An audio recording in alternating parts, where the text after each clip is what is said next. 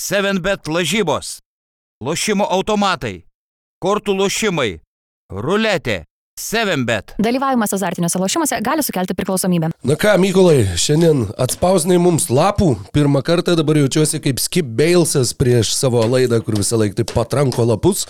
Tai iš karto labai solidus pojūtis. Ačiū tau už tą solidaus pojūčio sukūrimą ir padovanojimą. Ir tikimės, jog labai solidų ir teigiamą pojūtį perduosime ir savo klausytojams beigi žiūrovam po štai šio epizodo. NBAS, balandžio 27-2023 metai klausimų ir atsakymų rubriką. Šį kartą turim, kaip patys galit fiziškai pamatyti, tikrai daug įvairių ir pačių įvairiausių ir įdomių ir mažiau įdomių, bet pačių klausimiausių klausimų, kokius galima tik tai išgirsti Marijos žemėje. Rokas Grajauskas, Mykolas Jankaitis, prie, prie pulto Aridonas Gasperavičius ir mūsų trijulė pasiruošusi nerti į klausimų jūrą. Tai galim turbūt pradėti nuo paties populiariausio klausimo. Tai Simas Ivanauskas klausia, sako, pastebėjimas Mykolui labai mėgsta pertraukti roką, kai jis kalba. Labai erzina klausant šitas. Ir ten paskui dar ant manęs pastumė Hebra, tai jeigu norit sužinot e, dar mano daugiau įdų e, kolektyviškai įvardintų BN Plus e, grupėje, tai tapkite mūsų BN Plus subscriberiais.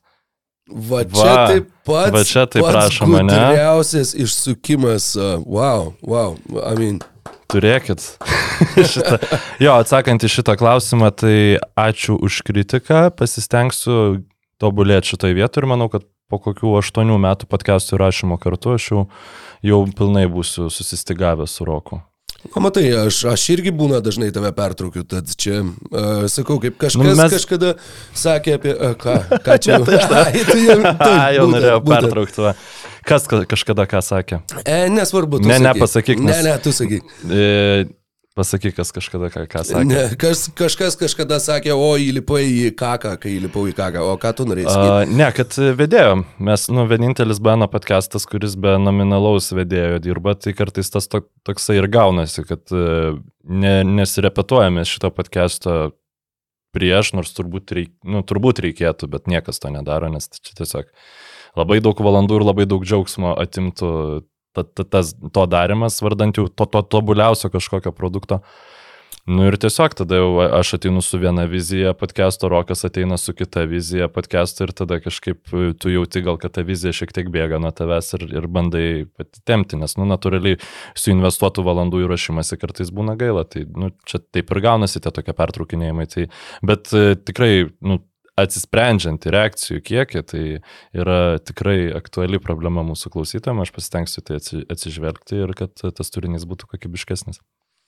Na, matai, dažnai būna, kur jeigu kalbam apie kažkokią, kaip praėjusiam epizode, kalbėjom apie vienas rungtynes ir kalbėjom labai daug ir tada ir vienas ir kitas turi labai daug įspūdžių, kurių, pavyzdžiui, jeigu tu eini chronologiškai rungtynių eiga, tu žinai, kad jeigu tu nepasakysi to, ką tu pasižymėjai apie pirmą kelinuką, o kolega jau pradeda šnekėti apie antrą, tai tada jo. tas tavo pasižymėtas dalykas taip ir liks užmaršty. Tai būna tas, kur buvau, buvau, pala, pala, pala, dar grįžkim prie to, aš dar pasižymėjau šitą, na, norėjau pasakyti trečią ir ketvirtą. Nu, ir šitas niuansas tampa aktualesnis, kai kalbam, darom podcastus per playoffus, turbūt tada labiau ir įsiaudrina šitas, nes žinai, kai kalbi ten apie reguliarų sezoną, ten apie kairį Irvingo nesąmonės ir, ir visa kita, tai tada nu, mes labiau pajautę savęsam šitose, šitose rolėse, o grinai konkrečių rungtynių aptarinėjimo, tai NBO podcast'ą, nu, kadangi jis nėra kasdienis, jis yra savaitinis, tokio platesnio spektro.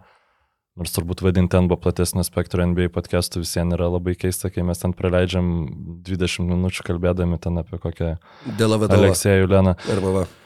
Jo, tai gerai, galim judėti, tada gal bus klausimų apie krepšinį dar kažkokių.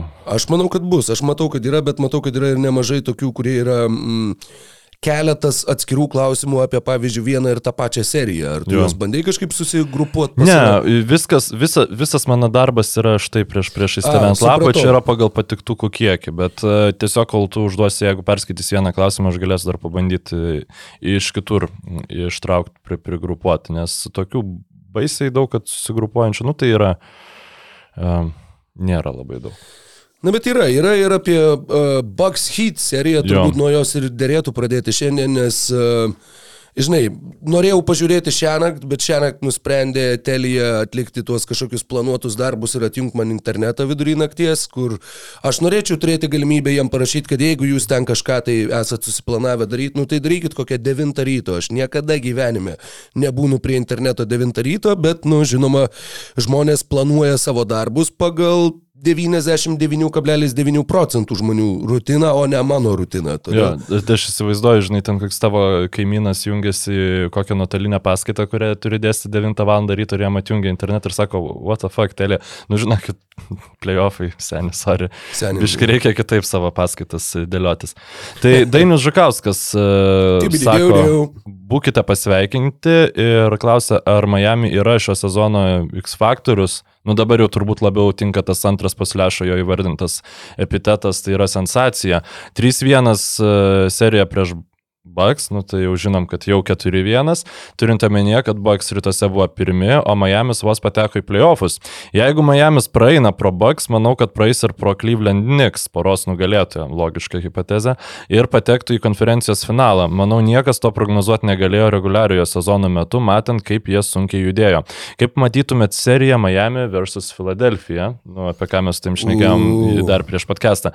Tai aš e, noriu sugrįžti prie antrosios šio klausimo dalies. Mm, palaukit, kur čia yra. A, kad į Bucks rytuose buvo pirma e, vieta, tai jie visoje lygai buvo pirma vieta. Ir Rokai, ar gal- galėtum įvardinti, kada paskutinė, paskutinį sykį e, komanda e, reguliariame sezone užėmusi pirmą vietą žaidė NBA finaluose? Žaidė NBA finaluose. Aš jau žiausi tau atsakinėti apie e, kaip Čikagos Bulls po Deriko Rauzo traumos pralaimėjo Filadelfijai. Tai buvo paskutinis atvejis kitas e, tai. 2012. Žaidė NBA finaluose pirmą vietą reguliariame sezone užėmusi komanda. Tai Milvokis 21, ne? Ar jie nebuvo tada pirmi? Man atrodo, kad nebuvo jie tada pirmi, e, nes šiaip yra e, čia š- š- šviežus strykas, e, kur bevažiuojant e, į, į, į laidą tiesiog pasi, pasileidau podcastą ir išgirdau šitą faktą. Tai šešis metus e, nežaidė reguliaraus sezono nugalėtojai NBA finale ir e, keturis metus nežaidė konferencijos finale reguliaraus sezono nugalėtojai. Wow. Va, tai, tai štai tokia informacija, o dėl, dėl baksų mes tada patikrinsim dar, kad nebūtų beprotiškas susifeilinimas šitą. Pala, 2017 Golden State Warriors buvo reguliariojo sezono nugalėtojai, jie žaidė NBA finale, faktas. Taip. O 21 metais pirmą vietą nebus ten kokie džiazai paėmė. Tada Gal ir galėjo. PM8, ne, tai čia gerai, tuoj pasižiūrim tada. greitai. 2018 aš dar galiu pasakyti, kadangi turiu prieš akis. e, Sixeriai, atsiprašau, tada pa- pasiėmė. Prašau, tai va, o 2018 Houstono Rockets su 65 pergalėm su Paulu ir Hardenu. Nu, jo, uh, jo, panašu, kad taip, šešerius metus nežaidė geriausia NBA reguliariojo sezono komanda finale. Labai šiaip įdomus, įdomus Jo. faktas. O apie Miami hit kalbant, tai kokie tavo įspūdžiai? Jimmy gets buckets, man. Tai yra, aš negaliu, tai yra jau prieš daug metų, jau kokiais 2.15, kai jis dar žaidė Čikagui, kai jis dar buvo Deriko Rauzo ginklanešys, atrodė, kad tas jo mentalitetas yra toks labai Jordaniškas. Kad tai yra va irgi tą tokį psichopatiškumą turintis, tas nesveikai kompetityvus bičias, kuris, nu tiesiog niekada nepalūš mentaliai ir visą laiką tikės, kad jis išeina, bet kurioje situacijoje jis išeina, kur jo komanda gali laimėti, nes jo komanda turi jį. Ir šitą jisai puikiai sugebėjo parodyti šitoje serijoje, mes uh, matėm 56 taškus už praeitos rungtynėse, 42 taškus šią naktį. Apskritai serijoje 37,6 taško vidurkis, 60 procentų iš žaidimo, 44 procentai tritaškių metant po 5,5 per rungtynes, jis gyvenime nėra turėjęs per reguliarų į sezoną tokių vidurkių, nu, galbūt pataikymo į žaidimą, bet kalbu būtent apie tritaškius. Uh, šeši atkovoti kamuoliai, penki rezultatyvūs, pora perimtų kamuolių ir, ir atrodytų, jog kiekvienas svarbus metimas, kurio reikėjo Miamiui, Jimmy Butleris atliko savo dalį ir, ir uh, iš tikrųjų neįtikėtina, ką jis sugebėjo padaryti ir sakau, ir tas palyginimas su Jordanu, kai pagalvoji, nu, vat, jeigu jis turėtų greta savęs Scotty Pippeną, jeigu turėtų, nežinau, sveiką Kawhi ar, ar net nežinau, kas būtų šių laikų, va, tas, tas palyginimas uh, panašaus plano ir panašaus kalibro žaidėjui. Dar po to vėlesnėje karjeros daliai prisidėti Dreymondą Greeną kaip šių laikų Denisą Rodmaną ir tu, nu, ta prasme, jis yra va tas alfa aikšteliai. Va tas, kuris yra lyderis, kuris, e, nežinau, tu jo niekaip neišmuši iš vėžių, jisai visą laiką sieks ir padarys savo ypač atkrintamosiose varžybose ir šita jų serija, šita jų pergalė, nors jinai neturi tokio ikoniško kadro, kaip kad uh, kai pirmą kartą istorijoje aštunta vieta įveikė pirmą NBA atkrintamosiose ir Dikembe Mutombo gulėjo sučiupęs kamulį ir tiesiog rėkė išleisdamas emociją. Tokio, va, tokios vienos nuotraukos galbūt ir nėra iš to, kai jie laimėjo, kaip jie triumfavo, bet Tai yra viena įspūdingiausių pergalių, e, kokias, kokias iš vis yra tekę matyti būtent NBA atkrintamosiose. Prieš seriją didžioji dauguma, na, nu, didžioji dauguma negalime sakyti, dauguma NBA ekspertų, nežinau, ESPN ekspertų ir taip toliau, ne tik, kad prognozavo pergalę Milvokiui, dauguma spėjo, kad šita serija baigsis sausai. Ir e, jinai vos nesibaigė sausai, tik tai, kad jį visiškai kitą pusę, negu kad mes visi galėjom pagalvoti. Ir kiek Miami komandoje žaidžia, pavyzdžiui, nepašauktų NBA naujokų biržoje krepšininkų, kokia tai yra surinkta, atrodytų iš tokių gabalėlių komanda, bet kaip ryškiai jinai vat, turi tuos kelis lyderius ir visų pirma, žinoma, Jimmy Butlerį, aplink kuriuos komanda susilipdo ir sugeba pateikti net ir tokius netikėtumus, kokį, kokį pamatėm dabar. Nu, tai čia tu ir padengi to pačiu Tomo uh, Liukaičio klausimą, jis play of Jimmy I think, nu tai akivaizdu. Jis pats beje sako, kad ne. Ne, no, it's not a thing. Ką? Aš tiesiog, aš esu Jimis ir aš esu Jimis. Ja, tik tai aš kažkaip... pardavinėjau kavą NBA burbulę po 20 dolerių už podelį. Tik tai kažkaip playoffuose biški atsukamas yra krenelis intensyvumo. Ir šiaip, nu, jis dabar geriausias žaidėjas šitose atkrintamosiose, čia yra nu, be klausimų. Mhm. Ir jis ne, nu, ne prieš bet ką tokius vidurkius rinko, prieš Milvokio Bucks ar su Janio ar be Janio ten yra Drew Holiday prieš tave ginasi, prieš tave ginasi. Blogiausias, kas prieš tave gali gintis, tai yra Middletonas. Tai yra nu, pakankamai, pakankamai gerai besiginanti komanda. Ir e, kalbant apie tos ikoniškumus, tai, nu, aišku, 56 taškų uh, rungtynės buvo uh, geriausias turbūt atkrintamųjų pasirodymas per, per mano, nu, aktyvaus NBA sėkimo karjerą nuo 2017 metų, kokio aš atsimenu tikrai viską tiesiog pasidarė, kaip jam reikėjo. Šiandien irgi visiškai pralaimėtas rungtynės laimėjo Miami's du kartus. Minus 16.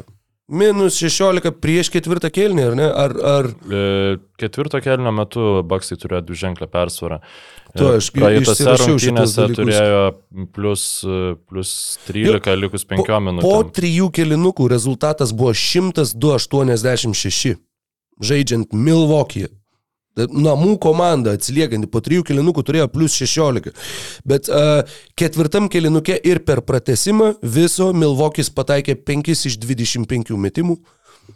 Ir e, tai apskritai yra, e, pasak ESPN Stats and Info, tai yra didžiausias deficitas, kurį komanda panaikino e, prieš ketvirtą kelninį. Nu, tarsime, minus 16 prieš ketvirtą kelninuką yra NBA istorijoje didžiausias panaikintas deficitas serijos baigti nulėmusiuose rungtynėse. Įspūdinga tikrai. O tas Dabar galvoju, Houstonas e, prieš, prieš Clipperius. Ar čia nesiskaito, jeigu viena komanda galėjo užbaigti, bet laimėjo kita, kai tada dar nesibaigė rungtynės. Nu, matai, e, ten buvo tiesiog iš serijos sugrįžimas buvo nežmoniškas. Aš nežinau, ar septintose rungtynėse. Turėjo... Ne, tai ne septintose, aš turiu omeny, ar į šitą statistiką įeina, pavyzdžiui, yra uh, penktos rungtynės, komanda laimi 3-1. Nu, pavyzdžiui, jeigu uh, hit būtų pirmavę 16 taškų ir Bugs būtų laimėję, ar skaitytų? Ne, ne, ne, ne, ne. Tai yra nes, serijos, serijos baigti nulėmusios rungtynės. Uh mhm. -huh. Tai yra, kad viskas. Užbaigusios. Series clinching win. Jo. Okay. užbaigusius rungtynės. Okay. Gerai. Ir em, dar viena detalė apie tai, kad uh, ketvirtą kartą susitiko komandos atkrintamosiose, tik tai ketvirtą kartą. Miami's ir Milwaukee'is. Uh, 2013 uh, Heat nušlavė Milwaukee po to, kai Brandonas Jenningsas sakė Bucks in Six. Uh, 2020 Miami's taip pat laimėjo burbulę ir 2021 jie pralaimėjo ir dabar atsirevanšavo už, už pernykštį sezoną. Tad tris iš keturių kartų istorijoje šitos dvi komandos susitiko per pastaruosius ketverius metus.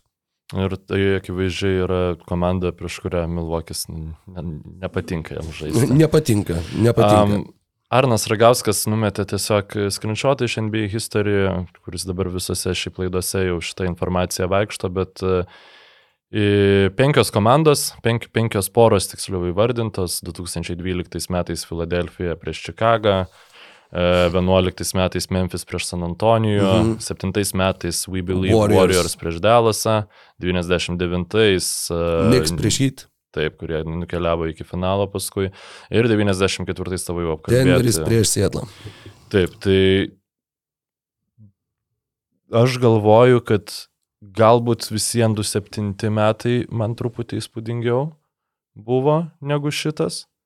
Uh, šit, šita serija, taip net ir ant pop, visai kaip pažiūrėsi, žiūrint tikrai įspūdingiau negu 99 Niksų pergalė. Nu, matai, dar šitoje serijoje Tyleris Hero susilaužė ranką. Viktoras Oladipo, aš jau jo vietoj turbūt baigčiau karjerą, nu, nes nu, čia tai tiesiog atrodo žmogaus kankinimas. Tad uh, jie dar turėjo papildomų nuostolių. Jų starto penkite žaidė Kevinas Lavas, kuris sezono jau antroji pusė buvo atleistas ir niekam nereikalingas. Tai sakau, tai yra toks surinktas iš, iš, žinai, iš, iš atskirų detalių ir sulibdytas darinys, kad tai visieną yra beprotiškai, beprotiškai įspūdinga. Um, aš tai šiaip manau, kad jeigu Hiro nebūtų rankos sulaužę, tai nebūtų nieko padarę šitoj serijai. Nu, nebūtų 5-4-1 laimė, man, man taip atrodo, nes tiesiog um, Milvokis turėjo žymiai mažiau silpnų vietų, kur atakuoti.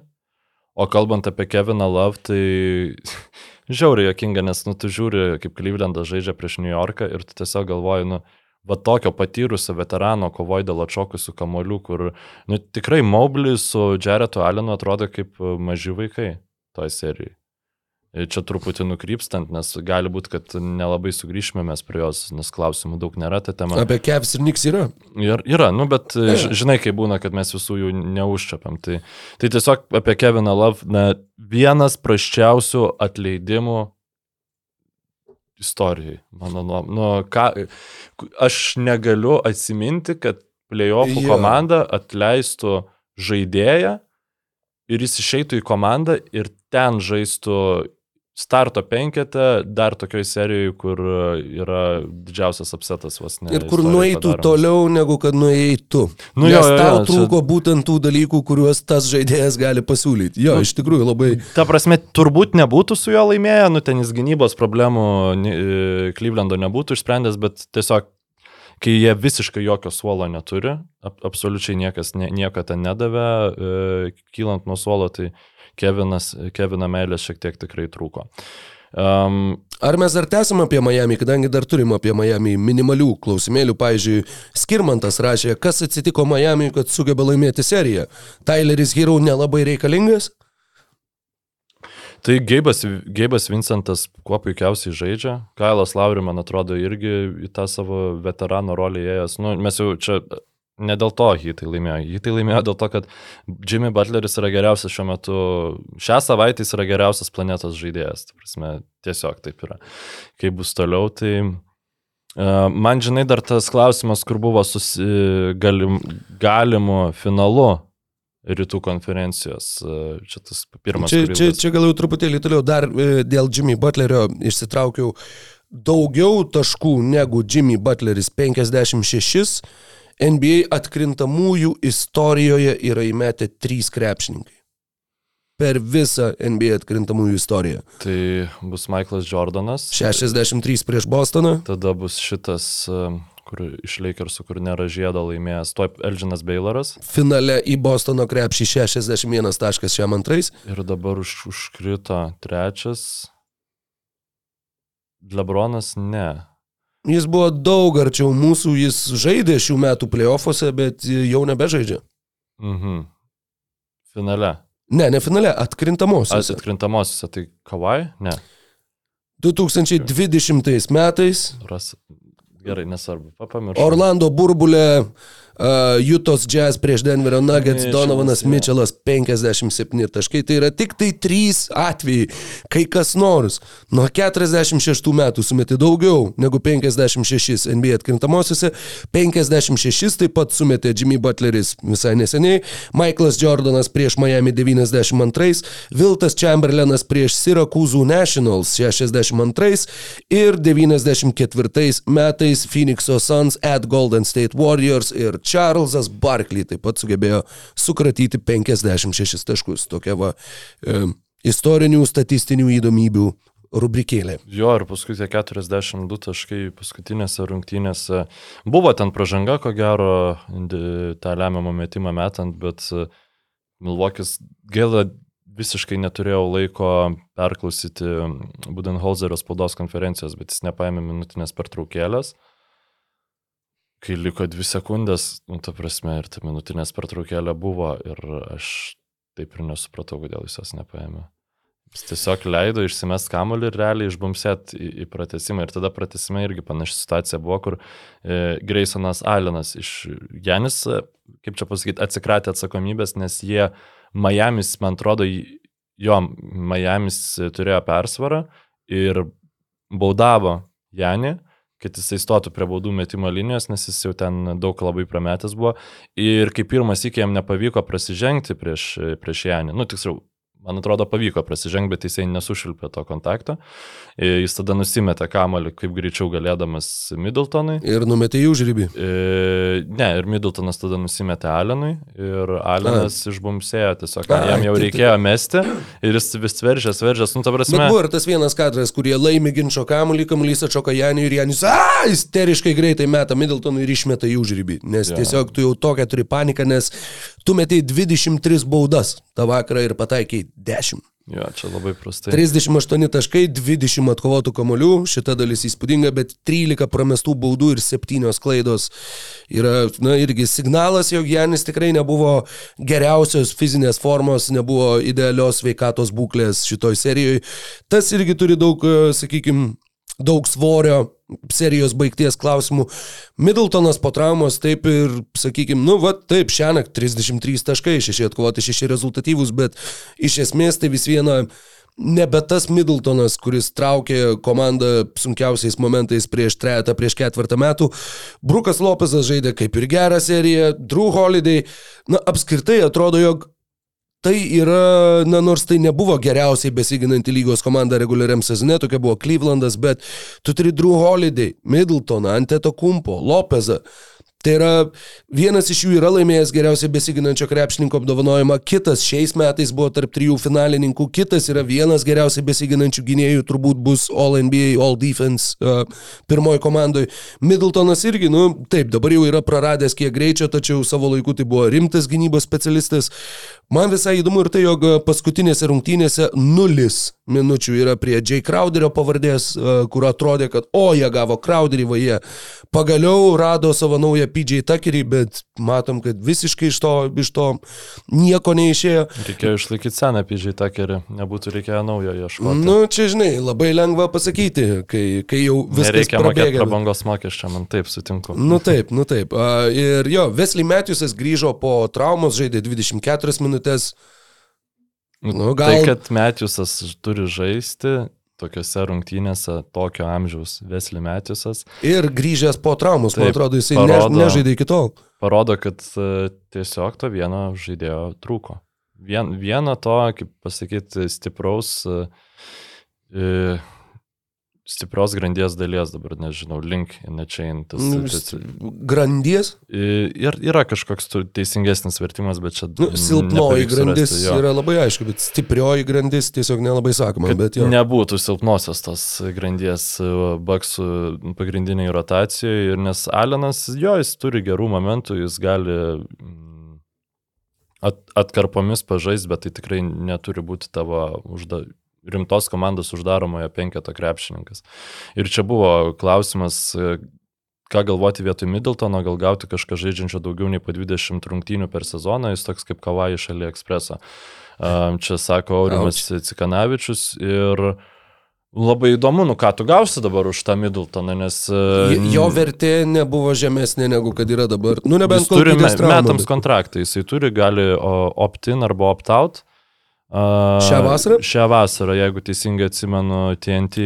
Aš taip pat tau galiu pasakyti, Krisas Middletonas taip turi žaidėjo opciją 40,4 milijono kitam Tai sezonui. va čia įdomus variantas, nes kartais mes matydami tokius skaičius galvojam, nu tikrai jis, žinai, paims ir jokių klausimų nebus, bet galbūt jam baksai pasiūlys 3 metus po 25 kokius Jo. jo. milijonus ir jis tada nu, padarys biški panašiai kaip Džeimsas Hardenas padarė, nes jis galbūt tiesiog jau tų pinigų nebegautų. Gal 5 metus po 25 milijonus. Nu, aš, aš Plius, nežinau. žinai, 40,4 tu gali pasimti šitą žaidėjo opciją, kitam sezone dar gauti kokią nors sunkę traumą ir tada visą savo karjerą likusią būti minimumo žaidėjų. Tai aš būtent tą ir sakau, kad čia nėra vieno teisingo sprendimo, jam yra 31 metai, jis tikrai nėra e, nurašytas krepšininkas, bet matom, kad e, dabar šiuo metu jo kontraktas yra neigiamas vertės.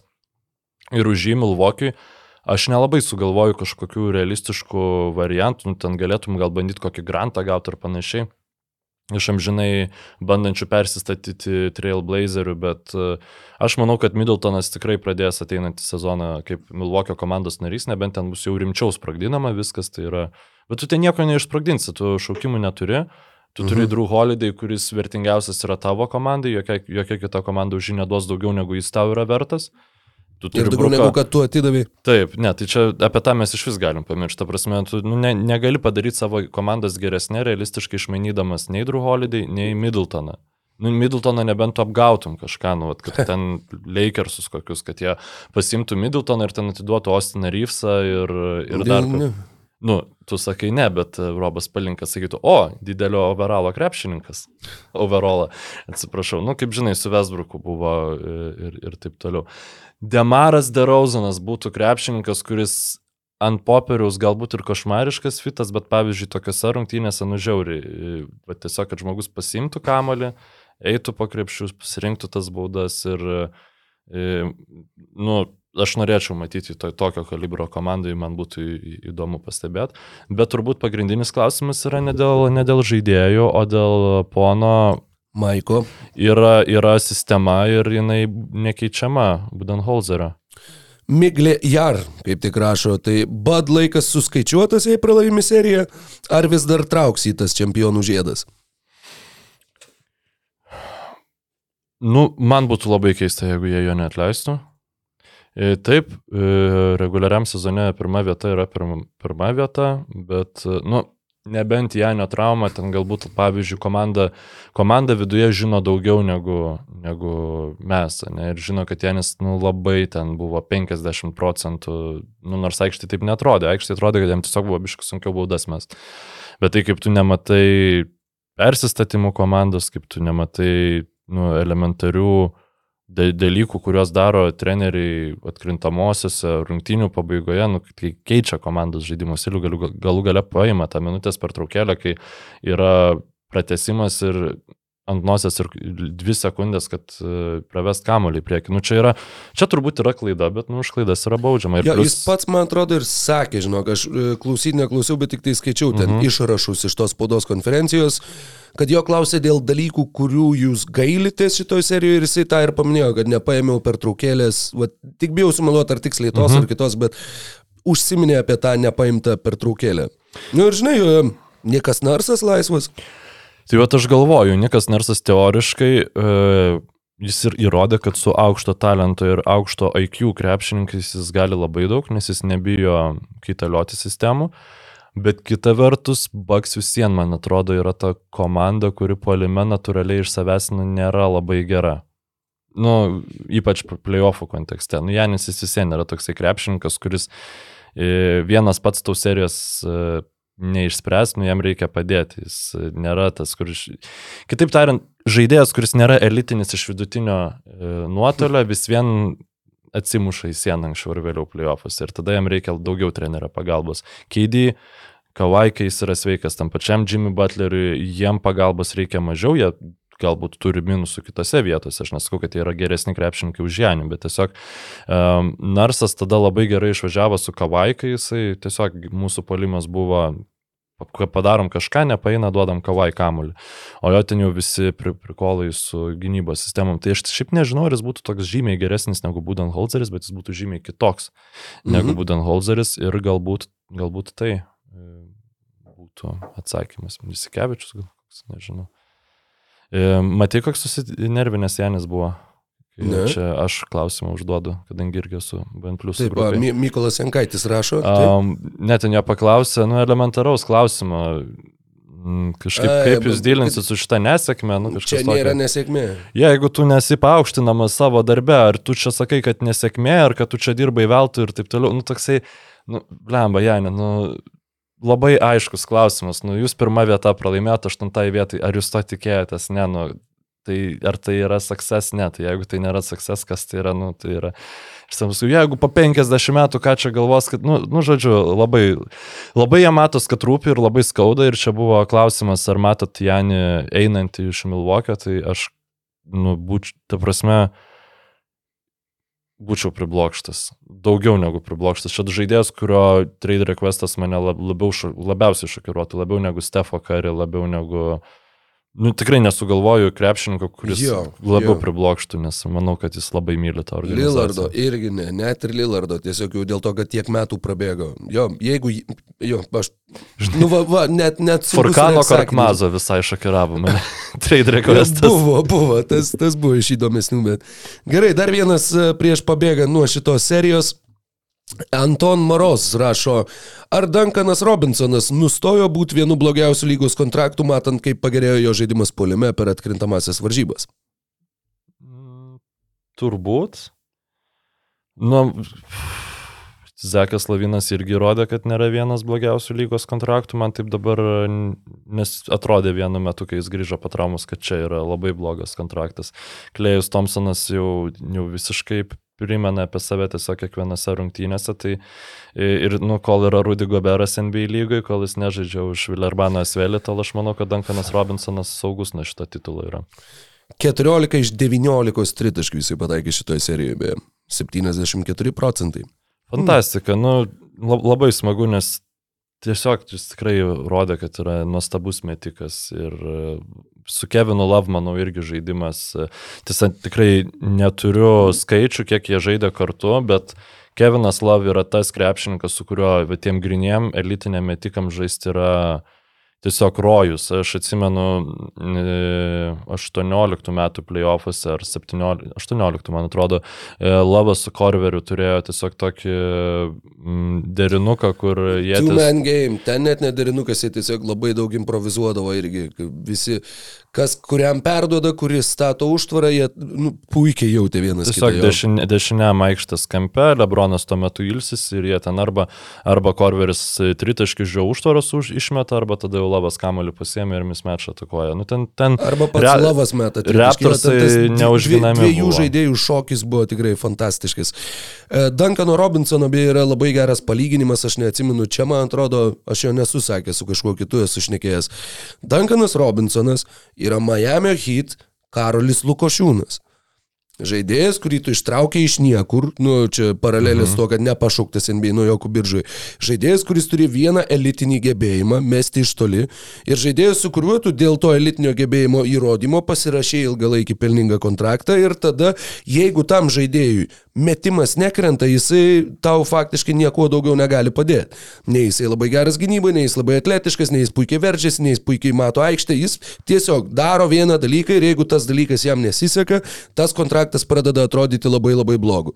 Bet užtenka, va, kiek, penkerių rungtynių šiuo atveju, metimai sukrenta ir jau atrodo, kad ei, jis, jis daro tą, už ką jisai gauna pinigus. Tai Taip. čia yra va tas metikų pavojus, nes į tą anglakalbių vadinama shooting slump, tai yra ta tiesiog, nu, nu, toks periodas, kai metimai tau nekrenta.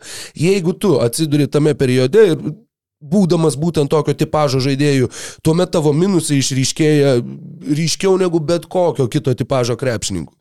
Dabar, jeigu tu esi tik tai centras, centras, kuris tik tai gerai ginasi ir atkovoja kamuolius, Ir tai, jeigu net ir nežinau, tu ten su kažkokia trauma mažiau pašoksi, prašiau rinksi tuos kamelius, tu vis tiek tavo fiziškas, jo vien vietos užėmimas jau bus problema varžovams. Nu, turiu omeny, kad tai yra sunkiausiai kompensuojamas vat, vieno, vieno uh, įgūdžio uh, nestabilumas ir jeigu jisai, vat, sako, jeigu jis nuvažiuoja žemyn, jeigu tu nebepataikai, visiems atrodo, kad tai yra košmariškas kontraktas ir iš vis ką tu čia veiki komandai. Bet tau pakanka keliarių rungtynių, ar netgi Lukošiūno atveju buvo vienos rungtynės Eurolygoje, nebeatsimenu su kuo, kuris ten antram kelienukė ar tris ar keturis tritaškius sušaudė ir Su staiga, Valencija, staiga mūsų visų visai pasikeičia požiūris, kad, ei, žiūrėk, o, jis, jis daro tą, kuo jisai ir buvo reklamuotas. Tai uh, jo, sakyčiau, kad ne, nėra Duncano Robinsono kontraktas blogiausias visoje NBA lygoje.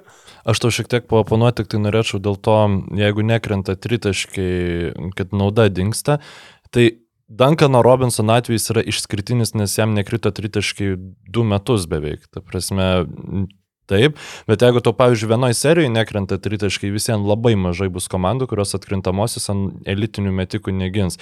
Pavyzdžiui, pavyzdys Kevinas Herteris. Nu, iš tritaškų metą prašiau negu Russellas Westbrookas. e, Ir dar gerokai. Nu, ta prasme, Karis šiaip metą prašiau iš tritaškų negu Westbrookas e, play, playoffuose šitose, tai ten jeigu vieni procentų žiūrint. Bet e, jį vis vien Warriorsai gina ir e, kai jis yra aikštėje, daugiau erdvės yra Malikui Monkui, De, e, Daronui Foxui, tam pačiam Devionui Mitchellui ir, ir visiems kitiems. Tai, va, o kai Kyganas Mari, pavyzdžiui, ne, nepataikė ir jis neturi, taip jis daugiausia tritaškų lygos istorijoje įmetęs naujokas, bet jis neturi tos reputacijos žudikiškos. Ir tada Warriors sako, tai gerai, tai mes. Ir tada jis pradėjo, mes ir pradėjo pataikyti ir, ir tada tai, tai, tai labai svarbu buvo, bet um, gal tada jau su Miami raukiam tikriausiai, ar ne? Manau, kad taip Ir- ir, ir reikėtų Milwaukee. turbūt pereiti prie Clevelando ir New Yorko, kadangi dar yra ir klausimų apie Miami New Yorko laukiančią seriją, Jo, kuri tikrai jo, yra būtinai. sultingas, e, sultingas būsimas e, desertas. Palauk, kurgi tie buvo Niksai ir, ir Kievsai.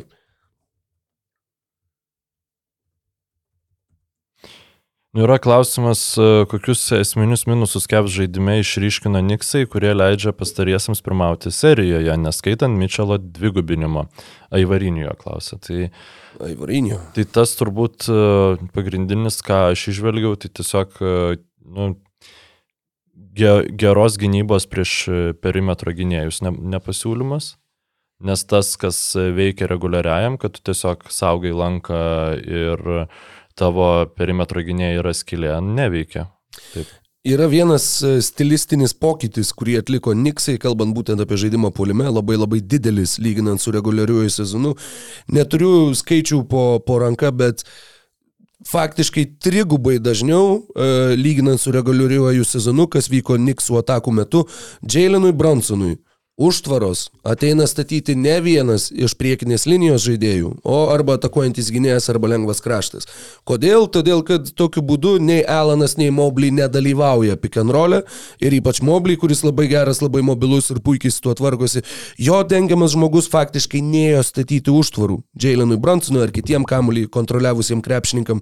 Ir tas va pokytis, kiek išmušė Kevsų tas stipresias gynybos pusės. Jo, bet Mo- Mobley visada, žinai, ir, ir taip jis pasijungdavo į tą gynybą. Nu, jis dažnai gina patį blogiausią komandos krepšininką. Tiksliau jo negina ir tada jau pats ateina tų reikalų spręsti, bet neveikia. Tai iš toj serijai, bet labai priblaškė tas nesugebėjimas kamolių nusimti po krepšių. Buvo rungtynių, Oi, kur ne tai, tai- kad Mitchellas oi. Robinsonas geriausias buvo, uh, buvo aukšta ūgis Pa- aikštėje. Paskutinėse rungtynėse e, kova dėl atšokusių kamolių buvo 48-30 Niksų naudai. Jie laimėjo seriją apskritai kiekvienas, man atrodo, rungtynės. a, Jie, jie laimėjo kovą po lentomis. Ir šiuose rungtynėse taip pat uh, Mitchellas Robinsonas 18 atkovotų kamuolių, iš jų 11 polime, Džošas Hartas 12 atkovotų kamuolių, tai jau 30 per du žaidėjus. Uh, 30 yra tiek, kiek visa Kevs komanda atkovojo tose rungtynėse. Mobley su 9, Alanas su 4, tuo pačiu jų pelnyti taškai 10 sudėjus per abudu, 4 metimai iš 12.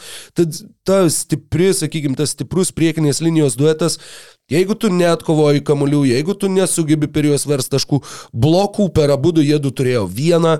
Nu taip, yra žinoma tos atakos, kai tiesiog žaidėjai nemeta, nes prieš juos yra aukšta ūgis ir tai neatsispindi protokole, bet tai vis viena yra iškalbinga. Niksai rado, kaip įveikti va tą dviejų bokštų penketą ir net ir žaisdami be Julijaus Randlo antroji pusėje, beje, Randlo trauma taip pat yra įdomus uh, aspektas, įdomu kaip jis atsilieps toliau uh, New Yorkui serijoje su Miami, kadangi Randlas reguliariojo sezono pabaigą praleido, tuomet grįžo pirmose serijos rungtynėse, pirmoji pusė atrodo, atrodė puikiai, po to vėliau atrodė aprūdyjas, dabar tiesiog nebebaigė rungtynių dėl vėl atsinaujinusios čiurnos traumos. Nu, Įdomu, ar čia nebus jųvingo efektas. Jungtinio efektas, klasika. Šiaip manau, kad Na, Rendlas bus reikalingas prieš geresnės gynybas, ypač prieš, e, prieš Miami, nes, nu, kaip prieš geresnės gynybas. E, man tiesiog atrodo, kad Rendlo jo šiaip to fiziškumo, e, kurį jis gali pasiūlyti, tebūnė jis yra tikrai netobulas krepšininkas, bet Miami's yra keista komanda ir prieš, prieš ją reikia tokių keistesnių krepšininkų, kurie to tobulo, va, Baks turi, sakykime, beveik, to, beveik tobulą penketą, kur viskas tinka, viskas logiška yra ir jie gavo lupt. Ten logikos nereikia, ten reikia, mm, žodžiu, tokių kovotojų. Labai čia įspūdinga analizė, aš pasakiau, bet... Ne, bet žinai, visiškai teisingai. Aš tikiuosi, kad Randlas bus sveikas, nes e, ir jo tas e, ant pėties nešiojama nesėkmė prieš Atlantą E, kur, kurią jis tikrai nori nusiplauti atkrintamųjų. Nu, ten ne tik jo, ten ir tas pats Ardžiai Beretas. Nu, bet jis buvo, pavyzdžiui. ta prasme, nu, buvo, buvo siaubas. Taip. Jis buvo, jeigu jūs galvot, kad Sabonio čia blogai yra serija prieš Warriors, tai ten buvo N kartų blogiau. Kalbant apie pačią seriją ir dar apie dalykus, kurie įstrigo, e, ke keletą rungtynių teko matyti, e, tas pats Ardžiai Beretas, neveltui paminėjau praeitam sakinį, kad jis tikrai iššovė ir galiausiai pradėjo žaisti šitoje serijoje ir dabar jau atrodo kaip tas žaidėjas, kurio laukė Niks, kurio progreso laukė visus tuos metus, jisai tikrai išlindo. Jailenas Bransonas pernai, jisai, faktiškai jisai nukalė Donovaną Mitchellą ir Jutos Jazz Ir kai Luka Dončičius grįžo tik ketvirtose berots rungtynėse, kai Taip. jie jau pirmavo 2-1, kai Bransonas be Dončičiaus taršė už Dalasą pats vienas visą jutą, šiais metais tie patys du žaidėjai vėl susitinka atkrintamosiose ir vėl akivaizdžiai geriausių gynėjų šitoj serijoje buvo Jailenas Bransonas. Kas yra, taip sakykime, galbūt ne to tikėjomės, galbūt ne to tikėjosi ir visa NBA, plus dar ir su tuo naratyvu, kad Niksai netliko Mitchelo mainų. Jie pasėmė Bransono, Kevsai atliko Mitchelo mainus ir dabar Niksai ir Niksų fanai turi pilną teisę sakyti, kad mes buvom visiškai teisūs. E, nėra taip, kad Niksai negalėjo pasiimti Bransoną ir atlikti Mitchelo mainų. E, ar tai būtų tikę kartu ar panašiai, mes čia negalim pasakyti vienareikšmiškai, Mitchellas yra geras krepšininkas ir Cavaliers atliko teisingus mainus. Niks tiesiog turi Jie va šitą įmą gali atlikti. Jie gali dabar, jeigu Nežinau, gal galim tada perėti prie Clippers, nes ne vieną klausimą. Gerai, bet turim. dar, dar, dar vieną žaidėją būtinai labai noriu išskirti. Ypač ketvirtose rungtynėse uh, New York'e.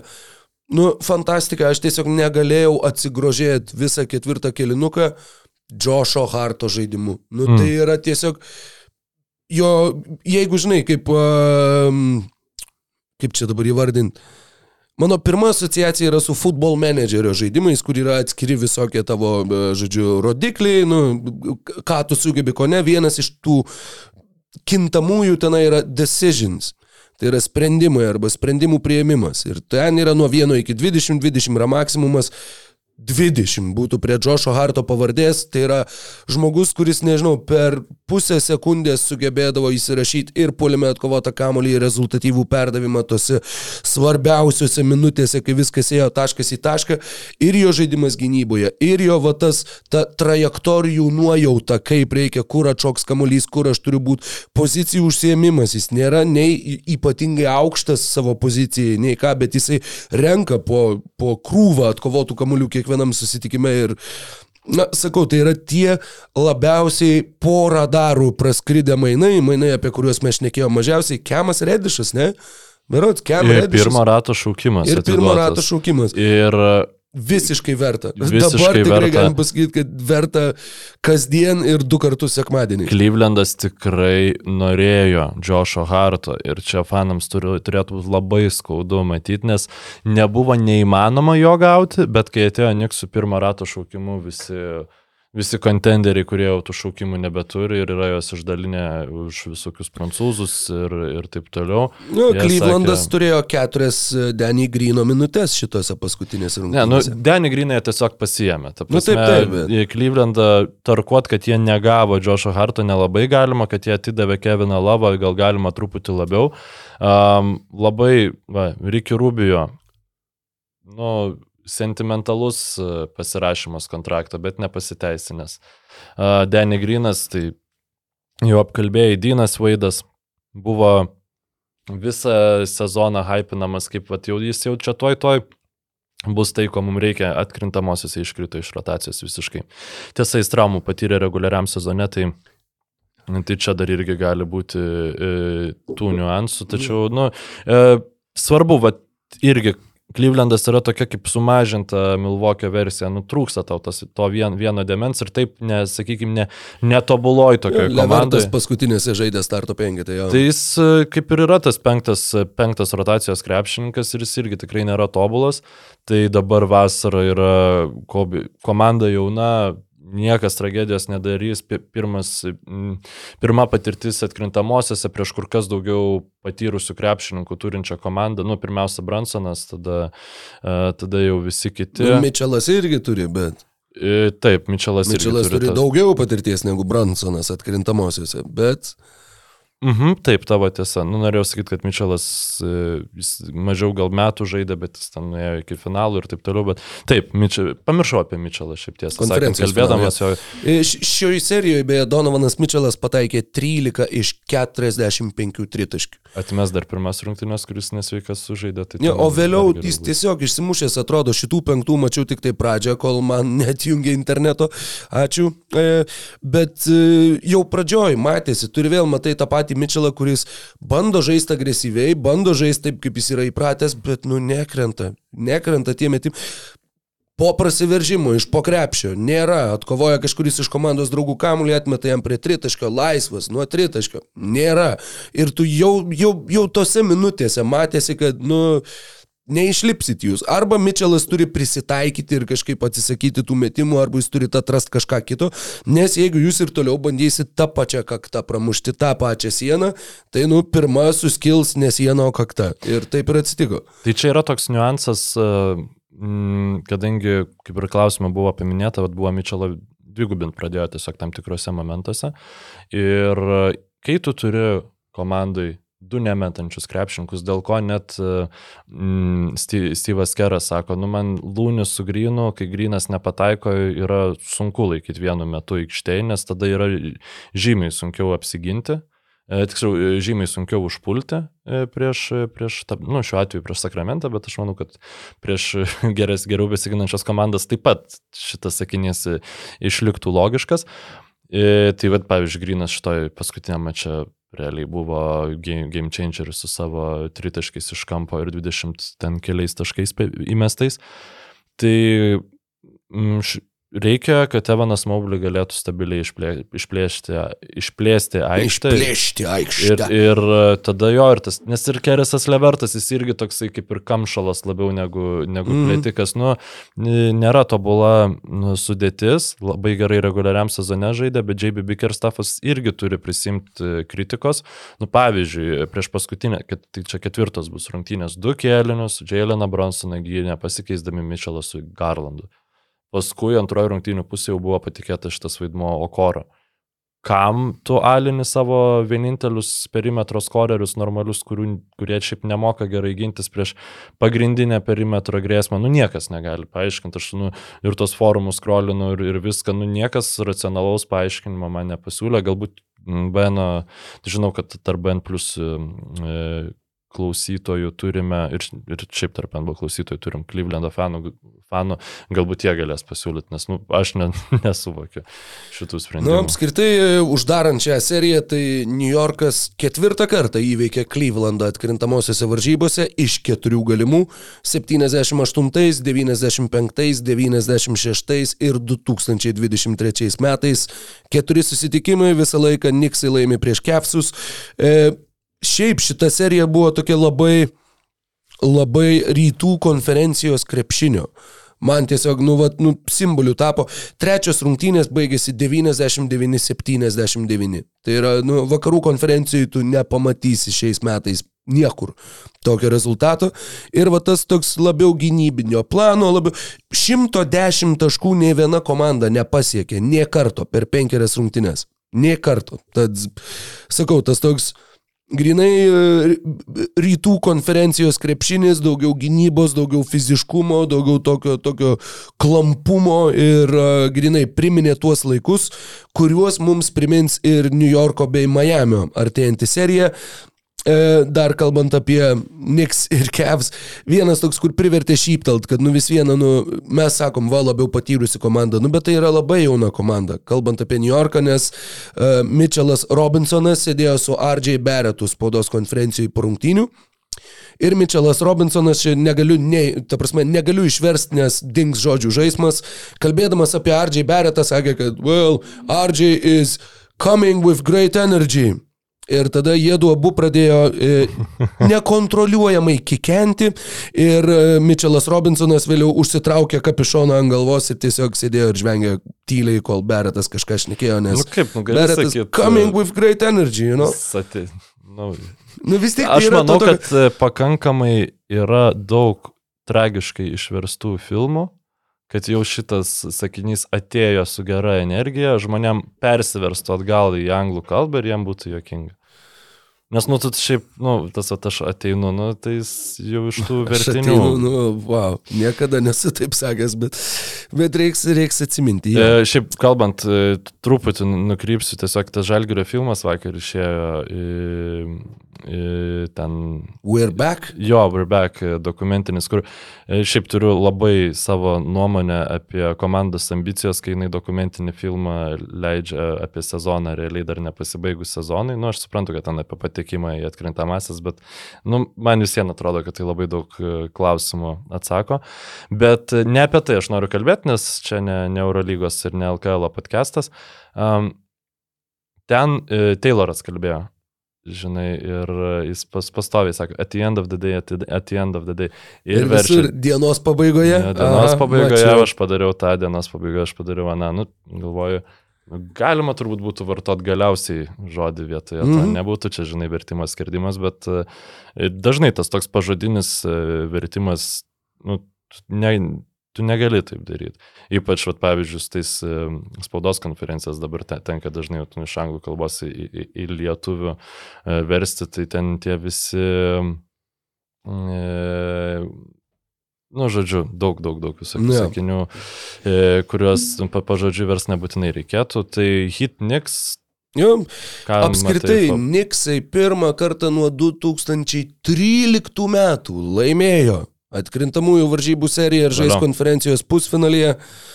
Sunku patikėti, tačiau tai tiesa ir tai yra 2013 buvo vienintelis kartas nuo 2000-ųjų. Tad jie nuo 2000-ųjų antrą kartą išeina tarp keturių geriausių rytų konferencijos komandų. Stebėtinas skaičius. Tai čia yra pirma Tomo Tibadau laimėta serija kaip vyriausiojo trenerio Nuo Čikagos laikų. nuo ne? 2011 metų. Tai nuo Čikagos. Jo, nuo Čikagos, nes su Minnesota nepavyko to padaryti. Na, žinai, 97 metais, labai atsiprašau, New Yorko Knicks susitiko su Miami Heat konferencijos pusfinalyje 3-4 super dramatiškai Miamis švenčia pergalę. 98 Knicksai susitinka su Miami Heat pirmame etape ir 3-2 irgi lemiamos rungtynėse Knicksai švenčia pergalę. 99 jie susitinka pirmame etape ir 8 vietą užėmė Knicksai 3-2 įveikė reguliariojo sezono nugalėtojus Miami Heat. 2000-aisiais jie susitinka konferencijos pusfinalyje 4-3, tą seriją laimi New Yorko Knicks. Tarsi buvo ketverių metų laikotarpis, kai jie kasmet pliekdavosi atkrintamosiose ir pliekdavosi yra tinkamas žodis. Ten buvo ir masinių muštynių, suspendavimų, ten buvo ir kur Ten buvo tas kadras, kur Jeffas Van Gundy apsikabinęs koją, neatsimenu, kurį ten krepšininką bando stabdyti, kad jis neišbėgtų ir neužmuštų ten kažko iš varžovų. Ne Larry Johnsoną. Ne, man atrodo, ar tai Morningą, ar tai Ewingą, berots kažkurį tai iš centrų, bet vienai par kitaip, vat būtent toj eroj tai buvo Nu, tai buvo principingesni negu principiniai varžovai. Tai buvo tos komandos, kurios visiškai Alonso. negalėjo, negalėjo pakesti viena kitos. Beje, 90 bent jau 9 tikrai New Yorko Knicks nebuvo ryški figūra, tačiau žaidė Rikas Bransonas, Jaileno Bransono tėtis, dabar irgi dirbantis Tomo Tibodo uh, trenerių štabe. Nu, kad pamatysim Knicks prieš jį, tikrai nesitikėjom niekas. Taip, kai mes darėm tas preliminarias spėliones, tai tai iš vis atrodė neįmanoma, nes nu, aš pirmiausia niekaip nesitikėjau, kad Atlanta įveiks, įveiks New Yorką. Miami. Uh, taip, atsiprašau, Miami. Dabar niekaip negaliu Niksų įvardinti kaip serijos favoritų, tačiau Nu, aš, aš kažkaip galvoju. Lažybininkai juos vadina nežymiais, tačiau favoritais. Niksai yra favoritai šioje serijoje. Na, Jailenas Bransonas aplink jį apstatytas polimas tiesiog yra visiškai kitkas negu tai, ką gali pasiūlyti Milwaukee Bucks. Ir e, tai nebūtinai yra geriau, tai tiesiog yra labai kitaip ir e, Miami's nėra tobula komanda, tai čia gali pasimatyti, žinai, tokie skirtumai. Tiesiog, pavyzdžiui, nu tie patys Warriors, jam prieš greitus gynėjus yra žymiai sunkiau gintis e, negu prieš tokias stambesnės komandas kaip Milwaukee'is ir, ir panašiai. Tai žiūrėsim, kas bus. Aš tiesiog dabar jau mano spėjimų lygis e, eina tiesiog, kas turi geriausią žaidėją. E, Go Miamis, Jimmy. Tai Giedrius Šilkaitis rašo, rytų konferencijos pusfinalio viena pora yra klasikinė Heat Knicks. Ar galima teikti, kad nusimato įdomiausia šių playoffų dvikova? Skirtumas nuo ankstesnių laikų tai, kad šiais metais abi komandos underdoginės, kaip rašo Giedrius, kas jo manimu yra dar geriau. Dar jeigu NBA nepatingėtų pahaipinti šios poros, tai iš vis klasikėlė nusimato. Aš manau, kad pahaipinti tikrai pahaipins. Tik tai, kad dažniausiai tas jų um, hypinimas e, pasireiškia tais trumpais kelių minučių trukmės video, kurie yra rodomi prieš prieš pat rungtynių pradžią. Kai dar ten, nu, jeigu žiūri per kažkur, tai va, dar ten pašneka kalbančios galvos, pateikia prognozes ir tada yra toks ten, trijų minučių vieno gabalo prie, primenantis istoriją kažkokią dar kažką.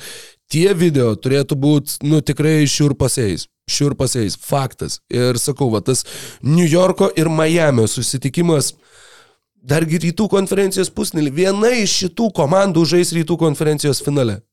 Vis dar sunku patikėti, bet akivaizdu, kad tai faktas. Žoelis Embidas glosto savo kelią ir galvoja, palauk, mažutį čia mūsų metai. E, nežinau, šit, nežinau, šit, Bet gal. šitą, šiaip reiks kažkada pašnekėti ir apie, apie Hawks ir Celtics seriją.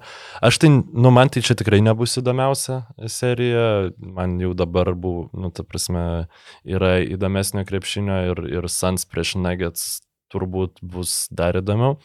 Uf. Bet e, aš nežinau, dėl to hypinimo, tai čia jisai kaip vis vien eina dabar per tuos visus TNT rubrikas ir taip toliau, kurios paskui trendina. Tada tie žaidėjai, nu, nu nėra to priešiškumo tarp šitų komandų. Nu, kas ten, kas iš New Yorko susikals ten su kokiu butleriu ir panašiai. Nu, nėra. Nu, vargiai, nu, vargiai. sunku įsivaizduoti, galbūt. Hartensteinas su Cody Zelleriu. Nu, Čia būtų Tas kovos, kurių tu ne, nežinojai, kad nori išvysti. supainiojo savo priusus parkingą, žinai. Bet šiaip žaidė, va, Kodis Zelleris išsirinko pra, pražangas, e, susirinko penk, šešias pražangas e, Adebajo ir išleido savo ramių veidus Polstra Kodis Zellerį, va, uždaryti serijos. Tai irgi nenuostabu. Fantastinis Kodis Zelleris. Bet kai jis nežaidžia rungtynėse, jis net netrodo, kad jis yra komandos dalis. Sėdė ant suolo, atrodo šiaip pakviestas kažkoks ten klubo garbės narys. E, equipment manager. Jo, bet e, nu, tiesiog va, ta visa pavyza, bet išeina į aikštelę, daro savo darbą ir, ir manau, kad prieš New Yorką tai jo ta, ta gaus jisai minučių. Ir e, klausimas vėl Kevino Love situacija, kaip ten ar pavyks išnaudoti perimetre, jeigu žais Juliusas Randlas, tai aš manau, Lavas dar nedaugiau gal minučių gaus negu šitoj serijai, tai žiūrėsim, žodžiu. E, tikrai labai įdomu. Man tai gal įdomu net ne tiek dėl šių dviejų komandų ten istorijos ar panašiai, bet šiaip va, jau tu jau, jau pusfinaliai, jau konferencijų pusfinaliai, mes vis artėjom nenumaldomai. Tai um, einam prie kitos serijos, prie kitų klausimų, Rokai. Drąsiai, drąsiai gali renkam, perkelt. ką renkėsi? Aš tik norėjau pažiūrėti, kiek minučių žaidė Lavas šitoj serijoje, žaidė po 22, tad jo tikrai gali žaisti daugiau. Klaidingą įspūdį sudarė paskutinės rungtynės, kur žaidė 33. E, Pratęsimas. Prie kitų klausimų aš renkuosi eiti, ne prie kitų serijų, manau, kad prie Taip. Taip. serijų turim prieiti per Taip, klausimus. tai, nu, Taip. aš tą ir turėjau omeny. Tai rink klausimą. Ach, tai man dabar rinkti Aha, nu, tai klausimą. jau nu, tai kad pasirinkai gražu. eiti per klausimus, tai prašom pateikti Nu, vieną. tai aš jau maniau, kad tu čia kažką tai nusižiūrėjai, o čia dabar man reikia greitai ieškoti, tu ten bent jau išsibrauki, kuriuos mes panaudojom, nes aš tai Gerai, aš galiu surasti klausimą, viskas. Gerai, tvarkoj. būtų labai smagu, Mykolai. Tai e, klausimas yra, nu galbūt šitą vėliau, e, apie Trejangą. Ar jis tikrai yra labiausia overrated? To Mas klausia. Tai ir Trejang iš tikrųjų yra the most overrated e, jūsų akimis. Tai čia buvo tokia ap- apklausa. Žaidėjų apklausa. žaidėjų ir labai ne- bez, bez skrupulų Hebra užbalsavo, kad Triangas yra overrated. Nu ir kažkaip tada Triangas paėmė ir sugražino Atlantą į, į seriją. 3-2 dabar. Trejangas tai priėmė asmeniškai. 7bet. Lažybos, lošimo automatai, kortų lošimai, ruletė. 7bet. Dalyvavimas azartiniuose lošimuose gali sukelti priklausomybę. Ir tas game winneris prieš Bostoną, nu, labai geras ten kadras. apskritai visa ta pabaiga, jis realiai, nu, aš gal truputėlį erzinčiausi, jeigu žaičiau už Atlantą, nes realiai tam paskutinės 3 ar 4 rungtynių minutės ne tik, kad niekas daugiau nemetė į krepšį, niekas daugiau realiai nepalėtė kamulio. Tai yra, tu išmeti kamlį trejangui ir jisai kokią 22 atakos sekundę arba greičiau atlieka metimą. Dažniausiai neatsakau su nuliu perdavimu atakos būdavo. Bet 38 taškai, na, žinoma, skamba įspūdingai. 38 taškai iš 33 metimų jau skamba toks mm, Karmelo Antonį eilutė. Bet e, tas lemiamas metimas, žinoma, buvo, buvo tikrai įspūdingas ir, nu, aš irgi, aš nuoširdžiai prie šitos serijos pradžioje galvojau, kad, nu, 4-0 Celtics ir, ir viskas čia aišku. Tai jau kai jie laimėjo tas vienerias rungtynės, buvo toks, o, nu, okei, okay, jūs čia dar galit kažką tai ištraukti. Ir dabar ketvirtos rungtynės pralaimėtos, tačiau penktos Bostone sugebėtos laimėti, kai Bostonas prie savų žiūrovų turėjo galimybę užsidaryti seriją. Nemanau, kad Atlanta išlips iš šitos duobės, bet tuo pačiu tai yra mm, vienas dalykas, tai yra e, jau pranokti lūkesčiai ir tuo pačiu nusipelnyta pagarba. Kitas dalykas, jeigu jie būtų pralaimėję 0-4, kalbos apie Trejango mainus būtų buvusios turbūt garsiausios visoje lygoje, kalbant apie lygos žvaigždės, apie nieką nebūtų tiek kalbama, kiek apie Trejangą. Dabar, mano manimu, jau tų kalbų turėtų būti mažiau ir tuo pačiu, nu, va irgi žiūrėdamas dar galvojau čia kažkurias berots ketvirtasis rungtynės, kad ar aš norėčiau iškeisti Trejangą arba Dežontą Mariai, ar aš visgi bandyčiau ir kitą sezoną su nuo pat pradžių Quinu Snyderiu, su dar keliais ten kosmetiniais pakeitimais, bandyti išspausti maksimumą dar sįki iš šitos sudėties. Kaip tu manai, Mykolai? T- labai paprastas atsakymas, jeigu man ateina pas mane e, Timas Connolly, kurį nusisamdė, nežinau, kokia Toronto Raptors ir sako, žiūrėkit, aš turiu jums Rudy Gabero package už trejangą, tai sakau, duok dar vieną piką ir darom. Nu, E, aš nemanau, kad kas nors samdys Timą Konelį. Nu, tu supranti, ką noriu pasakyti, kad Taip. Taip. jeigu ateitų su didžiausiu paketu lygos istorijai, e, vienu iš didžiausių paketų lygos istorijai už trejangą, labai rimtai apsvarstyčiau, nes ar galima, ar mano franšizė yra pajėgi apsistatyti aplink šį žmogų ir laimėti žiedus. Aš, jeigu būčiau džiemas, aš manau, kad aš, mano atsakymas vis dėlto būtų, kad aš nesu pajėgus tokios komandos sukomplektuoti. Bet vis dėlto... O be to, plus, jeigu tu išmainai Trejangą, tau nereikia ieškoti tavo pagrindinio žaidimo kūrėjo, tu jį jau Marijus, turi sudėti, jo. Um, čia klausimas apie patį Marijų buvo, kad... Uh, Taip, aš kaip tik ir turiu. Ignas gali klausė. Dažnai kalbama apie Gobero mainus, nu va, Mykolai, tu net dabar pakalbėjai apie juos, ir visus pirmus šaukimus, e, kuriuos tie mainai kainavo. Manau, tai kažkiek nustelbė Dežontė Marijai mainus, kuris kainavo tris pirmo rato šaukimus ir teisę apsikeisti šaukimais. Kaip manot, kodėl pridėjus buvusį All Starą, Hawks kaip komanda visiškai nepatobulėjo nuo praeito sezono? Man atrodo, kad patobulėjo.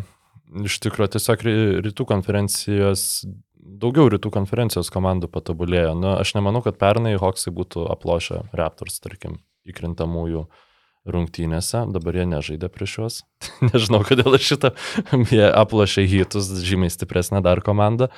Tai aš manau, kad patobulėjo ir tiesiog nepatobulėjo tiek, kiek galbūt tikėjosi. E, Atlantos fanai, na ir čia yra problema, kad vien tik tu prisidedi gerą žaidėją, jis e, neprideda prie tavo komandos tiek, kiek tau atrodo, kad turėtų pridėti. Nu, Ko jie ieškojo? Jie ieškojo žmogaus, kuris galėtų kontroliuoti kamuolį ir kurti žaidimą ir nuimti kažkiek tos naštos nuo Trejango. Ar tiesiog atimti kažkiek to iš Trejango, nes nemanau, kad Trejangas tai laiko našta, jam labiau gynyba turbūt atrodo našta. Ir tuo pačiu iš gynybinės pusės turėti žmogų, kuris pasitikinėtų pagrindinius varžovų kamulio valdytojus, nes Trejangas nė- nėra efektyvus tuo klausimu. Teoriškai, kaip mes ir šnekėjom prieš, prieš sezoną, tas įėjimas atrodė kaip ir logiškas, plus dežontė į Marėjui. Velnes jau 27 su jais šį rugsėjį. Vien savo primą pasitinkantis krepšininkas, kuriam tu turėsi sumokėti dar beje, jo kontraktas baigsis už vieną ar tai dviejų sezonų. E, gali būti, taip pat patikrinsiu. Iš to, ką komanda turi ir kas atrodo, jog na, tu galėtum galbūt, e, kurią iš savo kortų galėtum paukot, vardan teisės iš kaladės pabandyti ištraukti geresnę. O nieko Kongų tobulėja, e, Klintas Kapela artėjo jau prie, na jam irgi taip pat vis dar vos 28, bet Bet e, manau, kad čia yra va ta situacija, kur tu gali bandyti jau raktelius nuo savo vidurio polėjo pozicijos pilnai atiduoti Okongų, o vietoj kapelos pabandyti gauti kažką, kas tau užkamšytų kitas kilės. Nu ir žinoma, yra Jonas Collinsas, amžinai mainomas, niekad neišmainomas. E, Dežonte Marai taip, laisvojų agentų taps 2024 vasarą, tad jau šią vasarą tu galėsi pradėti su juo dėrėtis dėl kontrakto pratesimo. Arba tu keiti Onieko Kongų, kuris mano nuomonė yra antras vertingiausias Atlantos krepšininkas šiuo metu. Ne, ne geriausias, bet daugiausia galintis tau atnešti. Ir tu gauni galbūt paskalis į Akamą, galbūt, e, nu, plus kažką pridėjęs, galbūt kažką kito iš tų komandų, kurios nusprendžia pasukti kitais keliais. Ir aš manau, kad e, Masajus užžiūri labai būtų, labai susidomėtų Onieko Kongų. Uh, turint omenyje track rekordą e, visą. Nu ir šiaip turint omeny, kad e, jaunas centras Torontui, su Scotty Barnesu, o nieko Kongų visai galėtų būti to naujo lapo pradžia ir e, suintriguoti fanus bent jau ke, ke, ke, keliom, keliam mėnesiam kol tai ten viskas vėl nepradėtų atrodyti taip, kaip buvo šį sezoną. Aukšta vertė turėtų būti ir e, Adriano Darnelio arba AJ Griffino. E, 19 metų vis dar šitam naujokui. Vasarą su jais 29 taškų vidurkis sezone, tačiau turėjo ir tikrai labai gerų rungtynių, ypač antroji sezono pusėje. Net ir dabar gauna šiek tiek minučių e, atkrintamosiose. Tad e, tiesiog kalbant apie tuos vertingiausius žetonus, kuriuos komanda turi, tai manau, kad AJ Griffinas irgi turėtų būti minimas tarp tokių žaidėjų. Nu, gali būti. Aš kažkaip e, tiesiog šį sezoną On- Onieka labai iškilo. Ir gal vis dėlto jisai, manau, nu, ir daugiau komandų labai susidomėtų iš tų krepšininkų, bet Turiu pasitaisyti. AJ Griffinas visiškai nežaidė atkrintamosiose, ma bet paskubėjau pasakyti prieš, prieš pasitikrindamas. Taip, tai turbūt realesnis tavo variantas, bet žinai, ką jie už tą kapelą galėtų gauti, aš nelabai įsivaizduoju, bet dar net jie net neiškrito, mes jau apie off-seasoną kalbam. A, grįžtant prie Hunterio, tai tiesiog norėjau pasakyti, kad, e, nu, jis nėra Polas Džordžas, jis e, nėra tas, e, žinai, taip gerai be kamulio besijaučiantis krepšininkas, tiek daug prie savęs žmonių pritraukiantis, kamo, kai kamulio net neturi žmogus, e, kuris tave, nu, tave visus aplinkui padaro dar geresniais, tai jis ten nėra toks tobulas žaidėjas.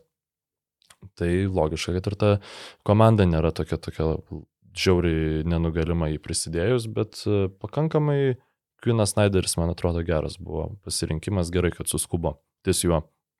O nelaukit, kaip čia dar seksis ir panašiai, nes turbūt jau nebebūtų Kvinas Snyderio, aš manau, Pistons, Raptors, uh, arba tie patys Rockets. Rockets, kurie pasėmė Udoką, galbūt būtų pirmiau jį žiūrėję. Tad gal tiek apie Atlantą ir galime keliauti prie tos atkrintamųjų varžybų serijos, kuri vis tiek yra aktualiausia mums visiems, kad ir kaip bebūtų, kad ir kas ką besakytų ir uh, tuo pačiu vis dar viena karščiausių atkrintamųjų varžybų serijų visoje NBA lygoje. Klausimas apie ją mums atkeliauja nuo Simono Bendžiaus. Klausimas pamačius ketvirtas Kings Warriors rungtynės. Tad ne tas, kurios vyko šią naktį, o tas, kurios vyko Prieš tai labai gerai paaiškinau, ne? E, smagu žiūrėti, kaip greitai bėga krepšininkai ir kaip staigiai perduodamas kamuolys. Bet likus kokiam dviem minutėm Kingsai darė taip. Bėgu, bėgu, prieš mane du varžovai, dzin, lipu į medį, metu nesąmonę per rankas. Ir taip kelis kartus labai svarbiais momentais. Atrodytų Eurolygoje tokioje situacijoje tu perduotum ekstra perdavimą, pramintum komandos draugus ir panašiai. Klausimas būtų toks, NBA žiūriu retai, bet va vis užtaikau ant tokių pabaigų, kur žaidžiamas savanaudiškas, per karštas, per skubus ir trenktas žaidimas. Ar taip NBA reikia, kabutėse, nes ten yra superžvaigždės šou ir panašiai, ir čia mano europiečio problemos be NBA stiliaus nesupratimas? Ar vis dėlto ten yra taktikos, derinių, e, šaltų sprendimų svarbiais momentais problemų? Um, tai pirmiausia, validus klausimas, nes šitą pastebėjo ir pats Maikas Braunas, apie ką mes šnekėjom um, po pirmos laidos, bet uh, nu, galima šiek tiek sugrįžti prie to, kad, kad jisai sakė, Malikas sumalė. Tu negali, kaip Stevenai Smithas, lipti į medį ir paskui prašyti e, perdavimų, fu, perdavimų iš teisėjų, žodžiu, asisto, pagalbas iš teisėjų. Tu negali tiesiog neturėdamas plano galvot, kad čia vatims ir sušvilps, nes man, man padės teisėjai. Tu turi kitaip visą tai daryti. Ir šiandien iš tikro ironiška, kad tai buvo išspręsta dar agresyvesnių krepšio atakavimų. Antroji rungtinių pusė, kai jau atrodo, kad Warriorsai, nu viskas eis ir nueis, nes tas žaidimas Sabonio per handoffus neina, pick and rollo Aš nežinau, kodėl Kingsai nežaidžia e, daugiau pick and rollo su Sabu. Neturiu krepšinio suvokimo nors užmušk. Nes su Lenu, kai jis yra aikštėje, jie žaidžia. Su Saboniu žaidžia labai nedaug, biški pažaidžia, bet e, tada ten atsirado, pavyzdžiui, Saba į kampą pastatė prie tritaškio ir jo kaip ir negynė, bet visiems biški gynė, nes su juo bet kada handoffą gali sužaisti ir tada daugiau laisvės atsirado Foxui, daugiau laisvės Mankui ir jie dar labiau atakavo tą krepšį, bet jie atakavo ne žaidėjus, ne, ne tuos medžius, o krepšį. Ir e, iš tikrųjų atrodė pakankamai įspūdingai. Foxui, aišku, sunkiau ten kažką perimetrą daryti buvo su lūžusiu pirštu, apie ką ne, neapšnekėjom, kad žiauriai nesėkminga. Trys Kings krepšininkai yra su lūžusiais pirštais, tai Sabonis, Foxas, Foxo metanti ranką, Sabonio ne, ir Dela Vedova, Dela Vedova vienintelis nežaidžia. Sakysi, Dela Vedova vienintelis neturi metančios rankos. Bet aš šiaip manau, kad jis sveikas būtų gavęs minučių šitoj serijai vien dėl savo patirtėlės. Ir, ne, tiesiog norėjau pasakyti, vat, kad tas lipimas į medį irgi gali būti arba su mintim, arba be minties. Ir pavyzdžiui, kaip Malikas Mankas, nu, kokį savo potencialą rodo su tais prasiveržimais. Aš žinok, žiūriu ir aš negaliu patikėti vėl, kad tas žaidėjas šitoj, šitoj lygoje yra tokio, tokį mažą vaidmenį turintis krepšininkas, nes atletiškumas, koordinacija pakilusi į orą, jinai yra elitinio lygio. Ta prasme, tu, aš neišvardinčiau dabar va taip penkių gynėjų, penkių atakuojančių gynėjų, kurie geriau ore save koordinuoja negu Malikas Mankas. Su žaidėjais jau paėmus turbūt būtų įmanoma, bet, nu, žodžiu, čia Warriors yra silpna vieta, greiti atletiški gynėjai ir mm, pereina prie šitos taktikos, o dabar kalbant apie tą rungtynių pabaigą, tai mes žinom, kad rungtynių pabaigoje visur ir Eurolygoje, ir NBA yra žymiai daugiau žaidimo vienas prieš vieną, nes kiekvieno perdavimo kaina, kiekvieno, nu, kiekvieno perdavimo, kuris gali virsti klaida, kaina yra rizika, žiauriai didelė, žiauriai didelė rizika ir tiesiog tu duodi kamuolį savo geriausiam krepšininkam ir tas žaidimas jisai supaprastėja. Nu, taip, taip būna. Jo, šitose penktose rungtynėse Diaronas Foxas ketvirtam kilinukė 0 iš 6 metimų 0 taškų, daugiausiai metimų jo karjeroje, kad, nu, kiek atliko metimų ir liko be taškų. Labai labai jo trūko, ketvirtose rungtynėse taip pat jisai traukė, jisai beveik ištraukė komandą, bet jau kalbėjom apie tą nuovargį, kuris galiausiai pradėjo spaust Kingsus e, būtent tame mače. Šiuose rungtynėse 21 tašką suvertė Dreymondas Grinas daugiausiai bet kuriuose reguliariojo sezono ar atkrintamųjų rungtynėse nuo 2018 metų kovo per ketverius metus rezultatyviausios Dreymondo Grino rungtynės. Ir negana to, Kevonas. Atkrintamosiose. Ne, ne tik. Iš viso. Iš viso, net reguliariam sezone. E, 25 taškai prieš Phoenixą kovo 17 2018 buvo pastarasis kartas, kai jis sumetė bent 21. Ir žinoma, dar vienas statistikos rodiklis, kuris uh, tiesiog pribloškė. 2 iš 4 metimų per 35 minutės. Žodžiu, tu polime kaip ir neveikia nieko, bet kaip tai neveikia nieko. 7 polime, 15 gynyboje atkovotų kamuolių, 22 viso ir 7 rezultatyvūs perdavimai. Kevonas Lūny žaidžia puikią seriją ir antrą kartą toje pačioje serijoje jis atkovoja bent 20 kamuolių. Golden State Warriors e, istorijoje, būtent kalbant apie atkrintamasias, vienoje serijoje du kartus bent 20 kamuolių, pastarasis atkovojęs buvo Neitas Tarmondas, tai buvo 1972 metais. E, įspūdingas centras yra Lūnė, apie tai mes jau šnekėjom su tavim daugybę kartų. Um, tiesiog tas tik, va čia yra glue guy.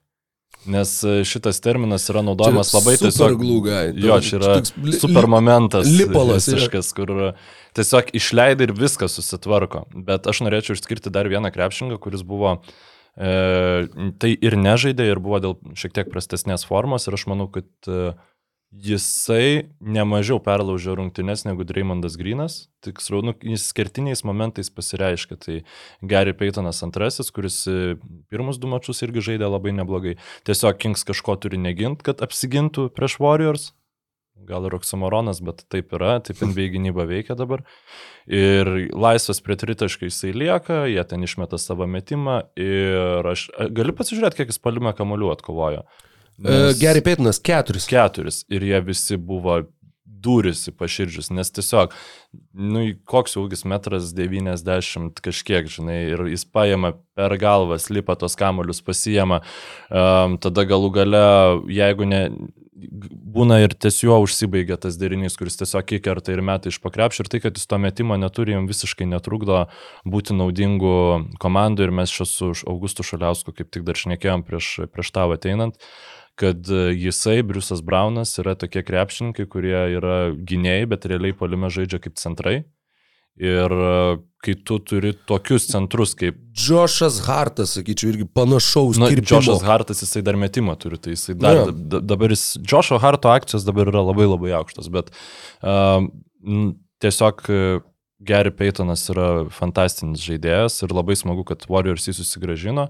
Gaila, kad jam iš vis jį reikėjo paleisti, bet uh, Grinas, Lūnė, Gary Paytonas, Andrew Wigginsas, Klejus Thompsonas, nu, čia yra tokia gynybinė komanda ir tikrai um, Sabonis dabar jau metė daugiau iš vidutinio ir pataikė jis ten tos metimus, tikrai nesakyčiau, kad prasto Sabonio rungtynės polime, gal gynybai šiek tiek silpnesnės, bet be, be Dearono Foxo grėsmės perimetre, nes jis, tai, nu, Dieve, tavo metančios rankos rodomasis pirštas yra, yra lūžęs. Tai Ir čia, jo galiukas. Va, Jo, va, va, tai-. Aš vėl, kadangi pats profesionaliai krepšinio nežaidžiu, tai su mm, pora žmonių, kurie žaidžia pašnekėjau, su to pačiu Augustu, tai sako, nu, labai priklauso, aišku, nuo paties metimo technikos, kas yra tas jau tavo pagrindinis pirštas, kuris Mhm. paleidžia tą kamalį.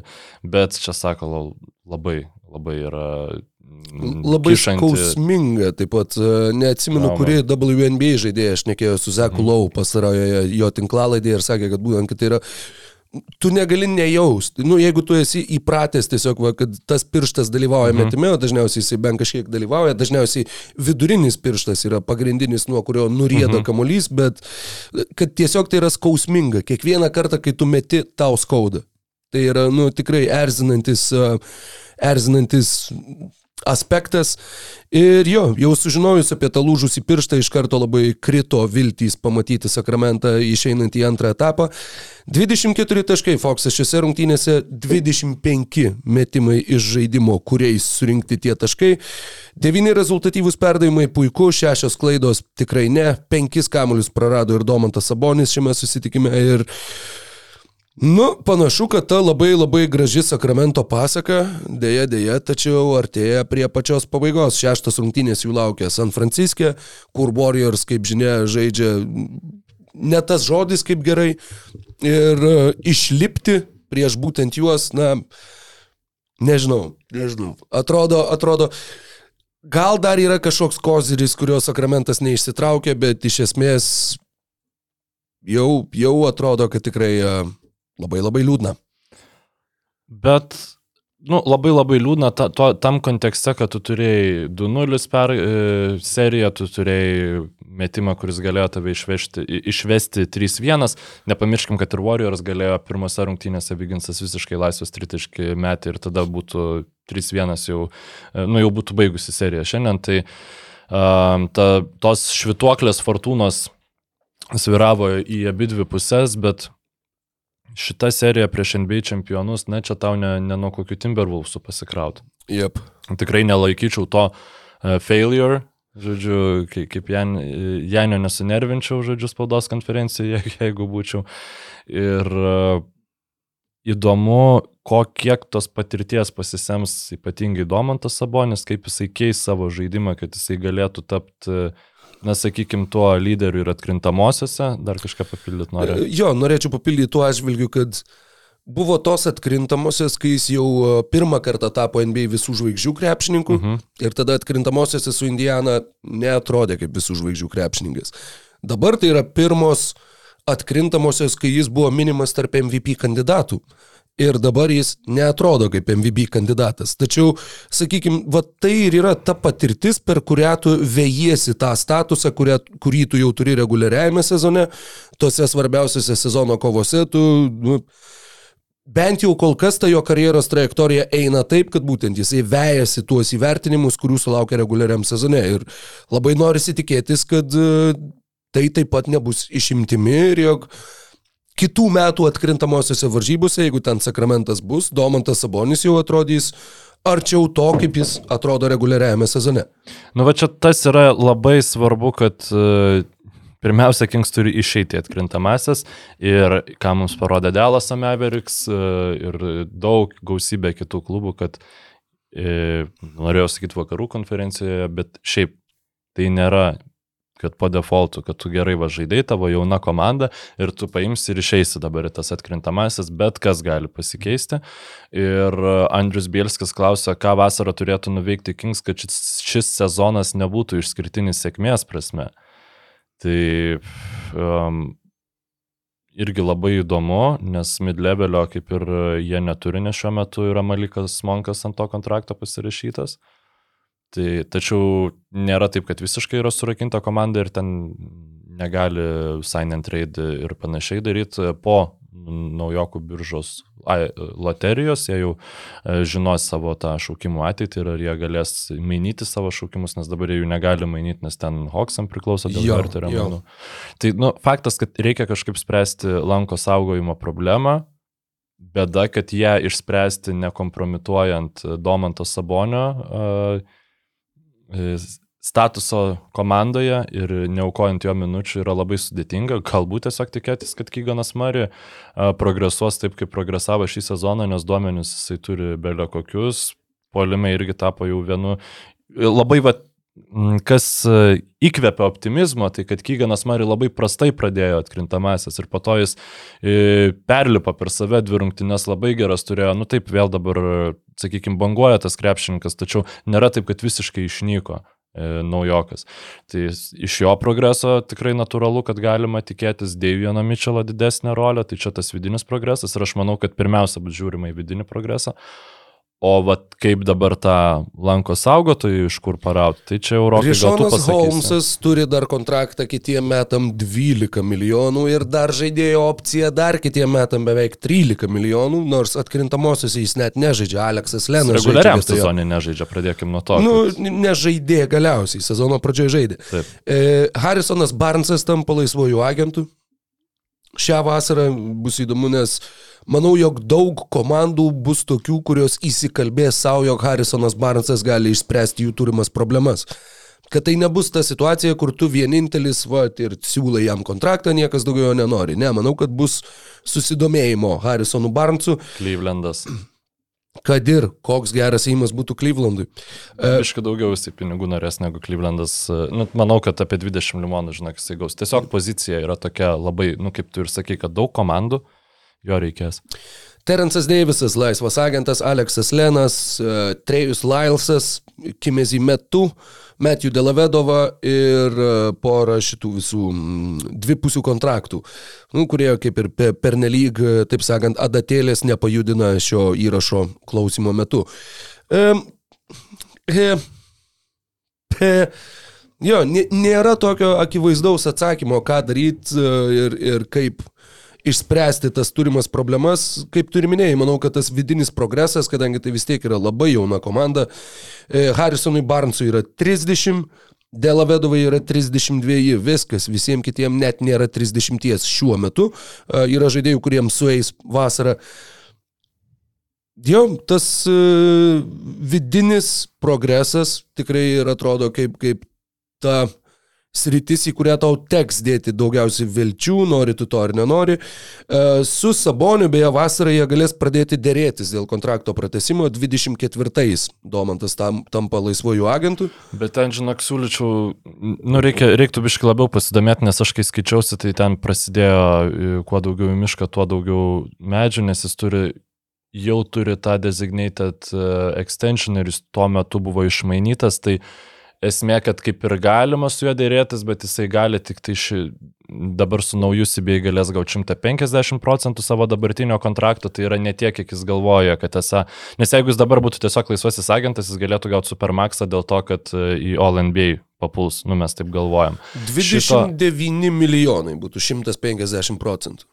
Tai jis e, Per su supermaxas yra 29 daugiau. milijonų. Nu, tai čia labai tas klausimas. O dabar yra 130, tai aš nežinau šiaip kada tas CBA įsigalioja. Nu, čia e, tiesiog aš manau, kad yra galimybės prispekuliuoti neteisingą informaciją, tai e, ne, nenoriu to daryti. Tai ir nedarykime. Um, ir dabar noriu pabrėžti, kad aš nenurašau dar Sakramento šitoj serijai, nes tiesiog žudikų šitoj komandai yra ir tas mane įkvepia iš, iš ties, nes kartais būna, nu, susiduria, vat, pavyzdžiui, atsimenu tie Visai šitą komandą šiek tiek primena tos Raptors, kurie staiga pradėjo laiminėti su Lauri ir, ir Derauzanu. Ir jie susiduria su Lebronu nu, ir tiesiog jokių dantų neparodo. Su Wizardsais neparodo dantų. Paskui ten laimėdavo tas serijas vargais negalais dievė, kiek jie ten metų kankinosi, žinai. Ja, Pirso E, blokas Lauriai. E, Taip. Du Pirso blokai. La... Ne, vien... Pirsas du blokas, kartus o kitas, jo, paskandino. jo, kitas tiesiog durklas. Tai man, man, mane šita serija labiau įkvėpė negu neįkvėpė, nes turint omeny minusų šitos komandos, atrodo, kad Warriors turėtų juos žudyti ir žudyti. Aišku, gali būti, kad jie Warriors išeis į kitą etapą ir tada Nuggetsai juos pad, e, pasidarys 4-0. O atsiprašau, ne Nuggetsai, o šitie. Lakeriai arba A, Grizzly. Jo, nu, ir va jeigu kokie Grizzly be Adamso pasidarytų Warriorsus 4-0, tada galvotum, žiūrėtum šitą Kingsų seriją ir galvotum, aha, nu tai gal jūs čia dar pagalvokit, ką jūs čia savo galvojat. Žodžiu, tai... Ir šiaip, Sakramentas penktose rungtynėse pirmam kelinuke pataikė 8 iš 12 tritaškių. Likusiose rungtynėse pataikė 2 iš 21. Jo, jo, ten. Neįtikėtinas kontrastas e, ir beje, jeigu Warriors laimi šitą seriją, jie jau pratęsė tą savo seriją, kad jie kiekvienoj atkrintamųjų serijoje po bent kartą laimi išvykoj. Tai yra ten nesveikas skaičius, bijau sumeluoti koksai. Bet uh, jeigu jie laimi šitą seriją, tai nuo tada, kai Steve'as Keras uh, perėmė komandos vyriausiojo trenerio postą, jų rezultatas atkrintamųjų varžybų serijose vakarų konferencijoje bus 19-0. Nu geras treneris yra Keras, Kari labai neblogas krepšininkas yra, Klejus Thompsonas taipogi. Nu, sakau, šita komanda yra gerai sukomplektuota ir man atrodo, kad minusų jinai turi mažiau negu be ne visos likusios komandos. Nu, dėl to aš ir į, į tą jų titulą kažkaip nežiūriu visiškai pesimistiškai tą savo spėjimą e, mūsų užpraeito podcast'o metu išsakytą, nors, e, aišku, gali visko būti. Sakau, jeigu Grizzly laimėtų tą seriją, e, tai jiems su Žemo Rantu bus sunku, jiems prieš tos e, e super greitus gynėjus atletiškus yra sudėtinga. Dovydas Rim 33921 klausė. Jei Golden State Warriors laimės dar ir šį NBA čempionatą, ar galima sakyti, kad tai yra pati geriausia dinastija ir aplenkia tokias kaip Kobe ir Šako Lakers ir MJ Chicago Bulls? Nu, dėl Kobės ir Šako Lakers, tai sakyčiau jo. Nu, jie kartu laimėjo tris titulus, Kobe vėliau laimėjo dar du, su Los Andželu jau, jau be Šakilo. O, o dėl Aš MJ ir, ir Bulls jie tiesiog, supranti, nu, yra, jie yra NBA. E, tie, ta Čikagos Bulls franšizė yra tiesiog tokie ikoniški, kur tu, nu, nežinau, nu, aš pavyzdžiui atsimenu tą duoną, kurią man senelis parneždavo ten iš Vilniaus duonos kepiklėlės ryte po savo būdėjimą, ten šeštadieniais.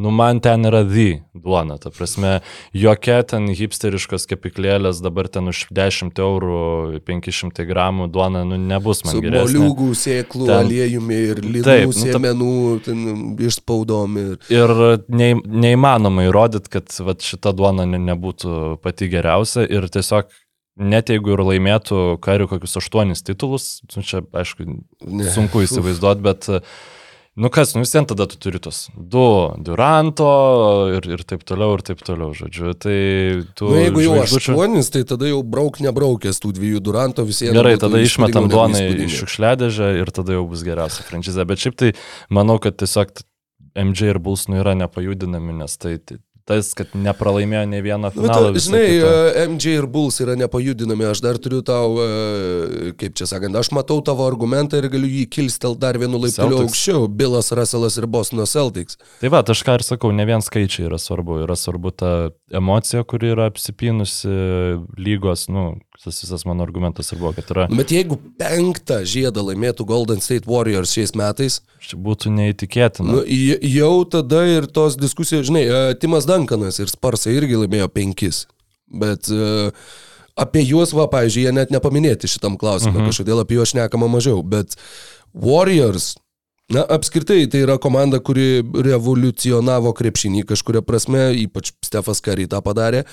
Ir jeigu jie Žinai, jeigu jie nebūtų laimėję tiek daug žiedų, tai net ir tie vienbalsiai iškovoti MVP titulai ir visa kita, nu, ne, neturėtų galbūt tokios įtakos visos planetos krepšinio suvokimui. Bet uh, penktas žiedas, nu, jau būtų įspūdingiau negu įspūdinga. Kari ir visi kiti susilygintų su Kobe, su Timu Duncanu. Uh, ir tai ne tik Kari, tai ir Clay Thompsonas, ir Dreymondas Grinas. Pala, turbūt daugiau viskas. Į Godalą kažkuriais metais gal jau nebuvo. Uh, Warriors prie Duranto, bijau sumeluoti, tuoj pat pasitikrinsiu, kad Man būčiau atrodo, tikrai ramus. Su visus žiedus laimėjo kartu su jais. Bet... Aš irgi nenustepčiau, žinau, kad jie be įgodalos tiesiog ir, ir nežaidė playoffuose. Bet e, jo, klausimas iš tikrųjų geras, ta diskusija, na visą laiką tos diskusijos lyginti skirtingus laikotarpius yra sudėtinga. Taip, Igudalai irgi taptų penktą kartą čempionu, jeigu jie laimės šiais metais. Bet pirmiausia, jie turi laimėti prieš dar vieną sėkį prieš Sakramentą. Ir linkiu, kad jiems tai nepasisektų. Ho, ho, ho, ho, ho.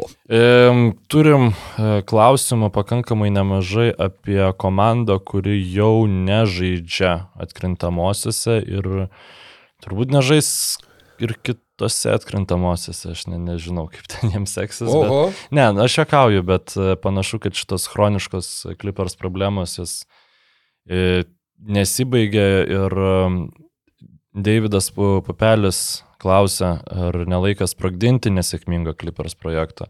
Ir aš tiesiog, man va šitas klausimas, jis mano uh, tiesiog fantaziją nu, nukelia, žodžiu, keliais metais į ateitį.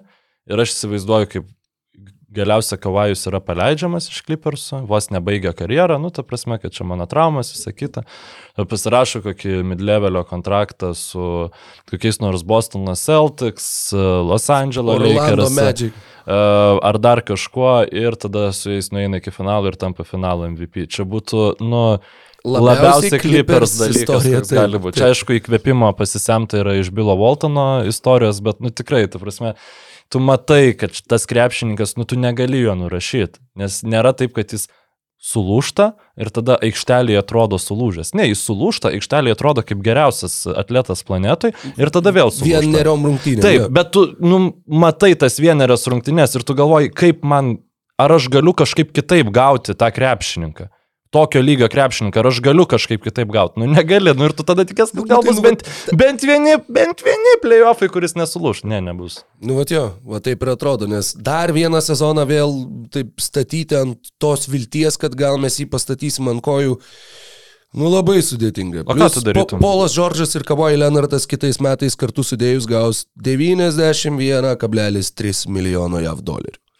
Polo Džordžo ta trauma biškai kitokia, ten tiesiog tas kelias buvo išsi... Nu, man nuostabu, kad jis rimtesnės traumas. ar Ne, sprain. Nu, bet apie Kavai, kol nesibaigė serija, irgi sakė, knee sprain. Kai Aš- baigėsi, tada atskleidė, kad ne, čia jam plyšo meniskas.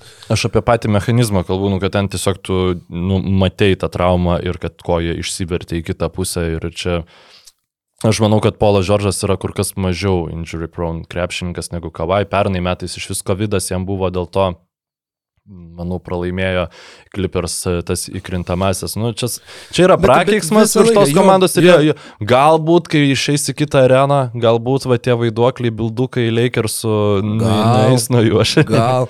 Bet jo, bet labai sunku pasakyti, nes nu, tavo algų biudžetas kitiem metam jau dabar yra 201 milijonas JAV dolerių. Tu moki nesveikai di- didžiulius prabangos mokesčius, visas tas nuobaudas už komandą, dėl kurios tu visiškai negali būti užtikrintas, kad va, ateis atkrintamosios ir jie kažką padarys. Apskritai, 2019 metais Buvo du va tokie sprogimai, žemės drebėjimai. Pirmas buvo Bruklinas gauna Durantą ir Kairį Irvingą, antras buvo Clipperiai gauna Kawhi Leonardą ir Paulą Džordžą. Kartu sudėjus šitie klubai viso laimėjo keturias atkrintamųjų serijas per ketverius metus. Kartu sudėjus. O. Tai yra nu, visiškai ne tai, ko mes tikėjomės, tuo metu tai atrodė, kad, wow, mes turim Finalų, nu, finalų favoritus. Jo, jo, jo. Ir nu, toliau nuo to tiesiog negalėjom būti. Tai buvo Duranto vienu dydžiu per didelis batas, kuris kainavo seriją prieš Milvokį.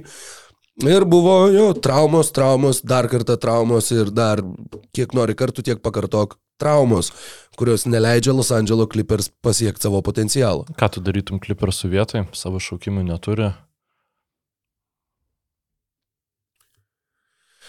Nežinau, aš, aš, nu matai, kas yra, čia tai yra toks visas teorinis šnekėjimas. Jeigu, jeigu aš vadovaučiau šitai komandai kompiuterinėme žaidime, kur tas sezonas prabėga tenai per, per valandą ar porą valandų, aš ir tai turbūt neturėčiau pakankamai kantrybės ir aš bent paieškočiau, ką aš galiu gauti už Paulą Džordžą, už Kawhi Leonardą va, šio tarp sezono metu. Bet kadangi mes kalbam apie visai, visai ki, kitą pasaulį, kitas aplinkybės ir, ir ten, žinai, ten ne kompiuterinis žaidimas, ten, ten yra labai, labai realus gyvenimas. Ir nežinau, aš, aš žinau, kad aš nenorėčiau būti Clippers vadovu, uh, nu, Clippers operacijų vadovu Lorenzu Franku šią vasarą. Įdomu, nu, realistiškai, ka, kokie, nes aš nebejoju, kad ir už tą sulūžusi Leonardą kažkas, pasi, nu, kažkas pasiūlytų tikrai nemažai. Kokie Miami's. e, Bet dabar koks jo nors- vertė yra irgi labai panašiai kaip su Middletonu, yra mažesnė, nu, mažiausia, kokia vos negali būti. Bet mažiausia kavai vertė visiems yra Vis vien yra labai vertė. didelė. jo. Taip, bet, nu, Ne, aš galvoju, nu, pavyzdžiui, apie tą patį, tuos pačius kokius grizlius. Tuos pačius, e, nu, komandas, kurios turi jauną brandolį ir turi pakankamai resursų. Ar tu gali, pavyzdžiui, bandyti prašyti iš e, Kingsų kokio Kygano Mariai, kuris galimai galbūt yra užsislėpęs superstaras. aš neduočiau turbūt Kingsų vietoj Kygano Mariai. Jo. Vien dėl to, kad tai yra, bet- nu, tu negali atiduoti savo visų tų jaunų žetonų, kurie tau užtikrina, užtikrina bent kiek šviesią ateitį, vardant žaidėjo, kuris per pastaruosius dviejus metus sužaidė 52 rungtynės reguliariuose sezonuose. Aš sutinku su tavo argumentu, tiesiog e, reikia turėti omeny, kad aš, nu, žinai, nešneku apie, ten apie Paulo Bankero ar, ar panašiai, nu, Kyganas Mari kol kas netrodo kaip būsimas superstaras, nereiškia, kad jis negali jo tapti, ką aš, ką aš nekėjau prieš tai. tai um, faktas, kad jeigu, jeigu tu nori Kawhi Leonardą savo komandai, bet, bet kokios fizinės formos, tu jo taip tiesiog našarom negausi. Nu, nebus, tau reikia kažką paukoti. Dėl ko Raptors negavo Kevino, Kevino Duranto vasarą, ne, nes jie ne, nepasiūlė, nes tam nieko normalaus, jie norėjo, jie nemokamai. Um, jeigu, nu, pavyzdžiui, Pelikans tikrai galėtų imti Le- Leonardą, nes jie ir taip, ta prasme, jie jau turi vieną krepšininką, kuris yra sulūžęs, tai tiesiog pasimk pasiimkim kitą ir arba tau, arba tau pais, arba tau ne. Ir iš abiejų sulibdykim, išlupkim ten tavo likusias ten kremzlės ir meniskus, sudėkim Zajonui ir va dar gal kas nors čia gausis. Jo, Auč. Im, bet pavyzdžiui, Paulą Džordžą, jeigu jie rimtai mainytų, tai aš matau labai daug komandų, kuriuoms jisai praverstų, nes vėl šitas krepšininkas, kai jam nereiktų tiek arti reguliariam sezone, kad tą komandą į, į pergalės vestų, tai ir tų gal incidentų mažiau visokių būtų ir šiaip sakau, man jis labai labai patinka. Šiais metais jisai sužaidė 56 rungtynės, pernai 31. Pernai metai prieš- sezonas buvo, bet, Bet vis tiek 31. Metai prieš 54, dar metai prieš 48. Čia yra nuo tada, kai jis išėjo į Clippers. Pala, kiek tai iš viso išeina sumoje? 102, 103, 189 rungtynės per keturis sezonus. Tai yra, tarsi, nu taip, Kawhi Leonardas praleido dėl traumos, nežaidė apskritai vieną sezoną, bet jis sužaidė 161, tai yra kiek, 20 keliom rungtynėm, tai yra skirtumas. Nors atrodo, kad Kawhi Leonardas iš vis beveik nežaidžia, žaidžia kaip jaunas menulis, nu kaip čia tai, skirtumas nėra didelis tarp jų ir Polo Džordžo sužaistų rungtynių už Clippers skaičiaus. Jo, bet skirtumas yra tame, kad e, Kavajaus yra viena chroniška trauma, kuri daug daugiau šansų, kad e, vėl išlys negu Polo Džordžo tos traumas. Taip, jis praleido rungtynių, bet tai yra nu, skirtingos priežastys, ta prasme, skirtingos traumos, skirtingos uh, kūno vietos. Tai aš tiesiog gal, nu, žiūriu į tam tikras komandas ir galvoju, kad uh, pavyzdžiui, Grizzliam, nu, Polas Džordžas, nu, visiškai, nu, jie neturi Vietoj to. Dilono Brukso. Uuu. Taip, nu, ta prasme, šiaip aš galvoju, kad Grizzliai yra mažai šansų, kad jie tiesiog pilvos plemba, mūsų ir taip niekas nemėgsta lygai. Imkim Milesą Bridgesą. Pernai mes būtume mažai turėję atiduoti kokius 2-3 pirmą rato šaukimus, o dabar Bet kaip nenorėčiau. aš ir, aš ir nenorėčiau, ir to pačiu būtų nu, visai epik, ta prasme, jeigu... Ai, Tai tai dar gerai. Graysoną Alaną dar išsikeiskit, žinai. Grayson Allaną, jo, ir... Visi to, tokį all hate, tipo, hate all NBA first team, visus turėt pas save. Ir, ir tada atiduoti Desmondą Beiną už Kairį Irvingą. Ach, tu apsaugok viešpadė. Ne, bet e, ka kažko jam į tą poziciją reikia ir šitoj serijai prieš Lakersus truputį matosi ir e, galim gal truputį nueiti į, į ją. Nu, truputį galim, bet mes jau šnekam pasiutusiai daug mykolai, žinok. Tai reikia kažkaip tai Pasitusi trumpinti. daug tų klausimų, sutinku, kad reikia trumpinti, tai apie Russellą yra klausimas. Na, Romanas klausė, Lakers Memphis atrodo turėtų baigtis šeštose rungtynėse. Tai e, vis dar, e, vis dar gali tai būti, tačiau šiandien e, laimėjo. Nu, tai, je, jeigu šiandien būtų Lakeriai laimėję, būtų pasibaigę penktose Tai rungtynėse. būtų pasi... tad Nu, bet čia kas už labai teisingas jos spėjimas. Taip. Tai kaip tu šiaip manai, ar už, uždarys Lakers į seriją šeš, šeštose Nu, svečiuose? vat, sunku, sunku, sunku pasakyti. Juolab, kad Memphis yra geriausiai namuose žaidusi komanda šiam sezone. 35 pergalės, tik 6 pralaimėjimai. Um, šitose rungtynėse jie sugebėjo e, tik tai dviem atkovotais kamuoliais pralaimėti lentą, kalbu apie Memphį, e, nepaisant to, kad jie be Steveno Adamso, be Brandono Clarko, tiek Beinas, tiek Morantas su dvigubais dubliais su atkovotais kamuoliais e, ir, ir prie to prisitaikyti jiems bent jau šiom rungtynėm kaip ir pavyko. E, iki šių rungtynių ryškiausią turbūt pranašumą Los Angeles turėjo tokiam, a, kur gal ir nenuspėtum iš pirmo karto, jog būtent ten slypi jų stiprybė, bet 119-79 buvo rezultatas pirmose ketveriose rungtynėse atsarginių žaidėjų pelnytais taškais. Plus 40 Lakers naudai. Pagrindinis to kaltininkas buvo Rui Hashimura, 72 taškai per pirmas ketverias rungtynės žaidžia nuo suolo. Ir Šiuose rungtynėse tik po 18 taškų sugrapštė tiek vieni, tiek kiti. Hačimūra anksti susirinko dvi pražangas ir nieko daugiau nebegalėjo padaryti. Denisas Šriuderis 0 taškų, Trojus Braunas 0 taškų. E, yra tų kintamųjų, kurie, sakykime, nu, vat visa tai, kas, kas stabiliai nesidėsto, tai, kas kažkur keičiasi kažkuriuose rungtynėse. Šiuo atveju Beinas ir Morantas sumetė daugiau negu pusę komandos taškų, prisidėjo labai svariai tais jau minėtais atkovotais kamuoliais.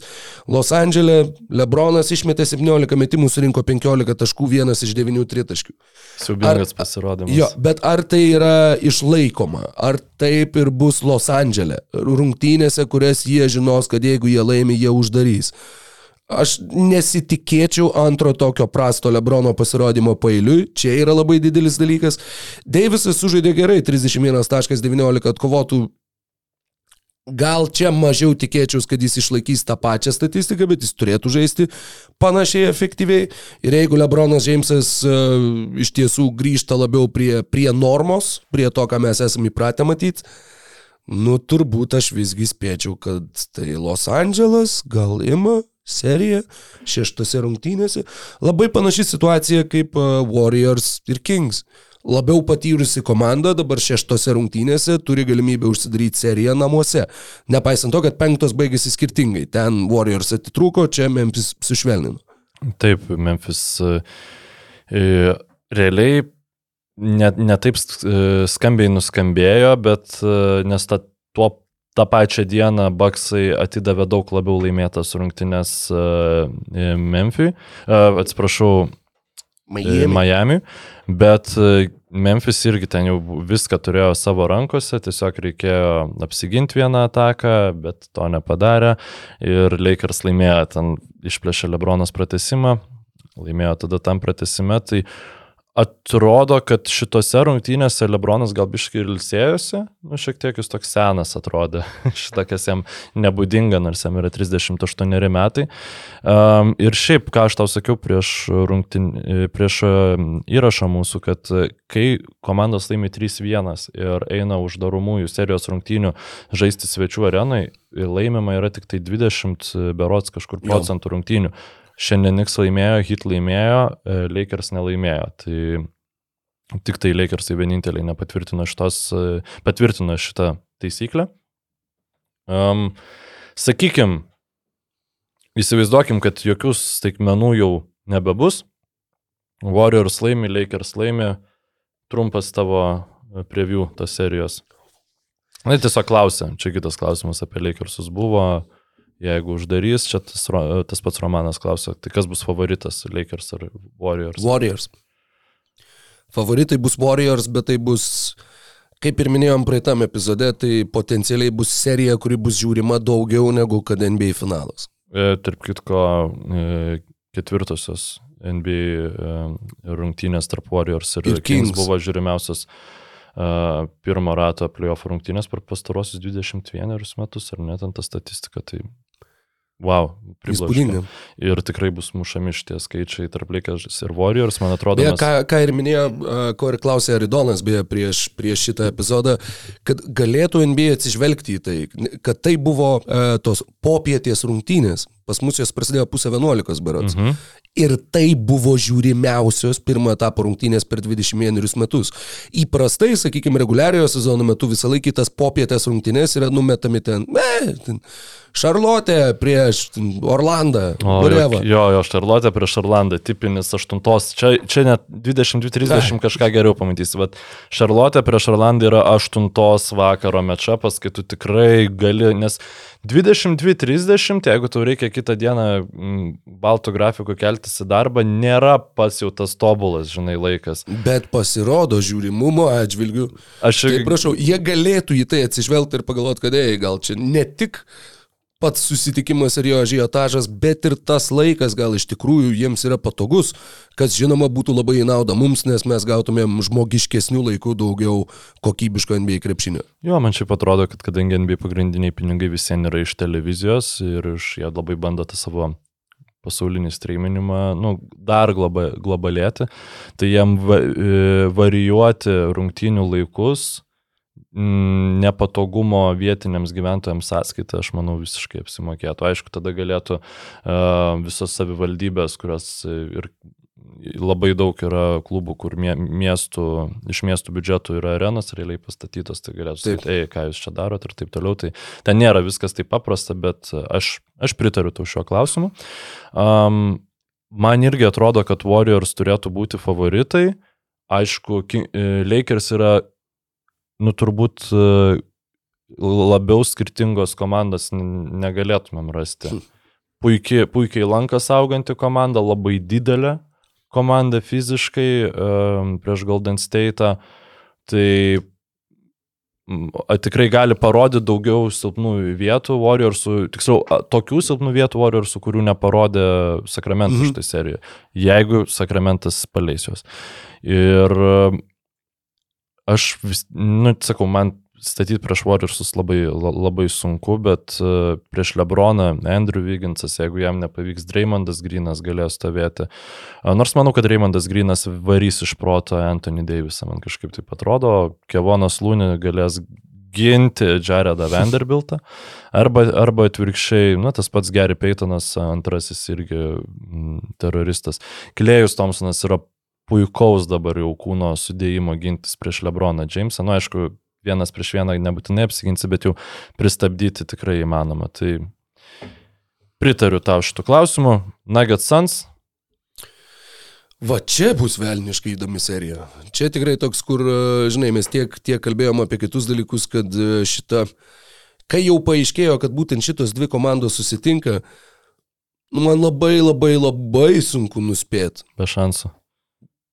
Sakau, lygiai taip pat kažkas panašaus į, neatsimenu apie kurią seriją, sakiau, ai, apie uh, Kings prieš Warriors, kur aš netgi galėčiau įsivaizduoti, kad kažkuri iš komandų gali laimėti, nu jeigu nesausai, tai penkeriose rungtynėse. Bet tuo pačiu labai lengvai įsivaizduoju ir kaip ta serija eina iki septintų rungtynių. Tai uh, sakau, tiesiog laukiu, tiesiog noriu pamatyti, kaip tai atrodys, uh, kaip tai įsivažiuos. Beje, pala, paminėjai mm, Sakrament, tai yra ne Sakramento, Denverį. Tavo mintys apie tą seriją, aš dar Taip. paieškosiu vieno, vieno raščiuko, raštelio. E, yra konfliktas mano, mano sąžiniai. Viena vertus, e, Sans turi keidį, turi bukerį, turi Krisapolą, kuris atranda savo formą. Ir man tai, man tai atrodo labiau playoffams subalansuota komanda. Turi Tori Kregą, kuris pataiko laisvas iš toli ir tai yra belė koks papildinys šitai visai sudėčiai.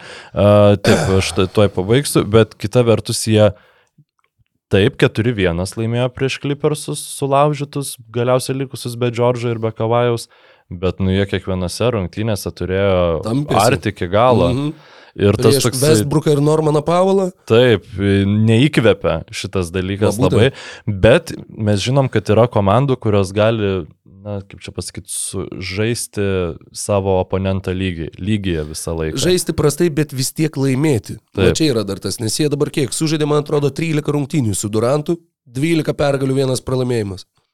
Ir Keidį tikrai, nu, jis tikrai gali imtis didesnę rolę. Ir aš manau, jis tikrai imsis didesnę rolę. Jis ten dabar toksai kaip labai prabangus Harrisonas Barnesas kartais atrodė toj, toj e, serijoje. Ir aš manau, kad Deandre Eitonas, kad ir kaip jis kritikuojamas buvo šitoj atkrintamųjų serijų, ypač kol Clippers kėlė rimtų problemų, Sansam, kol Kavai buvo sveikas, aš manau, kad jis prieš jokiočių neturėtų būti toks blogas variantas. Nu, at nepasižiūrėjau tas head-to-head -head statistikos, bet jos silpniausia vieta yra pagalba gynyboje. Tai yra, aš palieku savo centrą ramybėje, einu padėti besiginančiam krepšininkui, jis to visiškai nedaro, yra turbūt blogiausias centras šitose playoffuose šito klausimu. E, galbūt net atsarginius paėmus, kurie norm, normalių minučių gauna. Bet vienas prieš vieną, prieš jokiečių, jokiečius, nu, nebus jam labai lengva jo nusistumti. E, Jokičius, jeigu bus pastatytas prieš jį, o ne prieš Tori Kregą, Jokičius turės e, išeiti šiek tiek į perimetrą, nes vidutinis e, Dan Reitono yra labai gražus metimas. Ir tai atveria labai daug galimybių Sansams kaip tiesiog iš proto iš, iškraustyti Jokičių, bet man bus labai įdomu matyti, kaip Gordonas gynasi prieš Keviną Durantą. Čia labai labai laukiu šitos akistatos. Pačiai, pačiai pabaigai klausimas, net ne klausimas, o tiesiog e, mintis, kuri šovė į galvą pamačius e, artėjančio pasaulio čempionato burtų krepšelius, e, kaip čia viskas dėliojasi ir kad štai mes galim, jeigu burtai taip iškris, jie traukiami šeštadienį, mes galim gauti Kanados rinktinę kartu su Lietuva vienoj grupiai pasaulio krepšinio čempionate, kuris vyks rūpjūtį rugsėjai.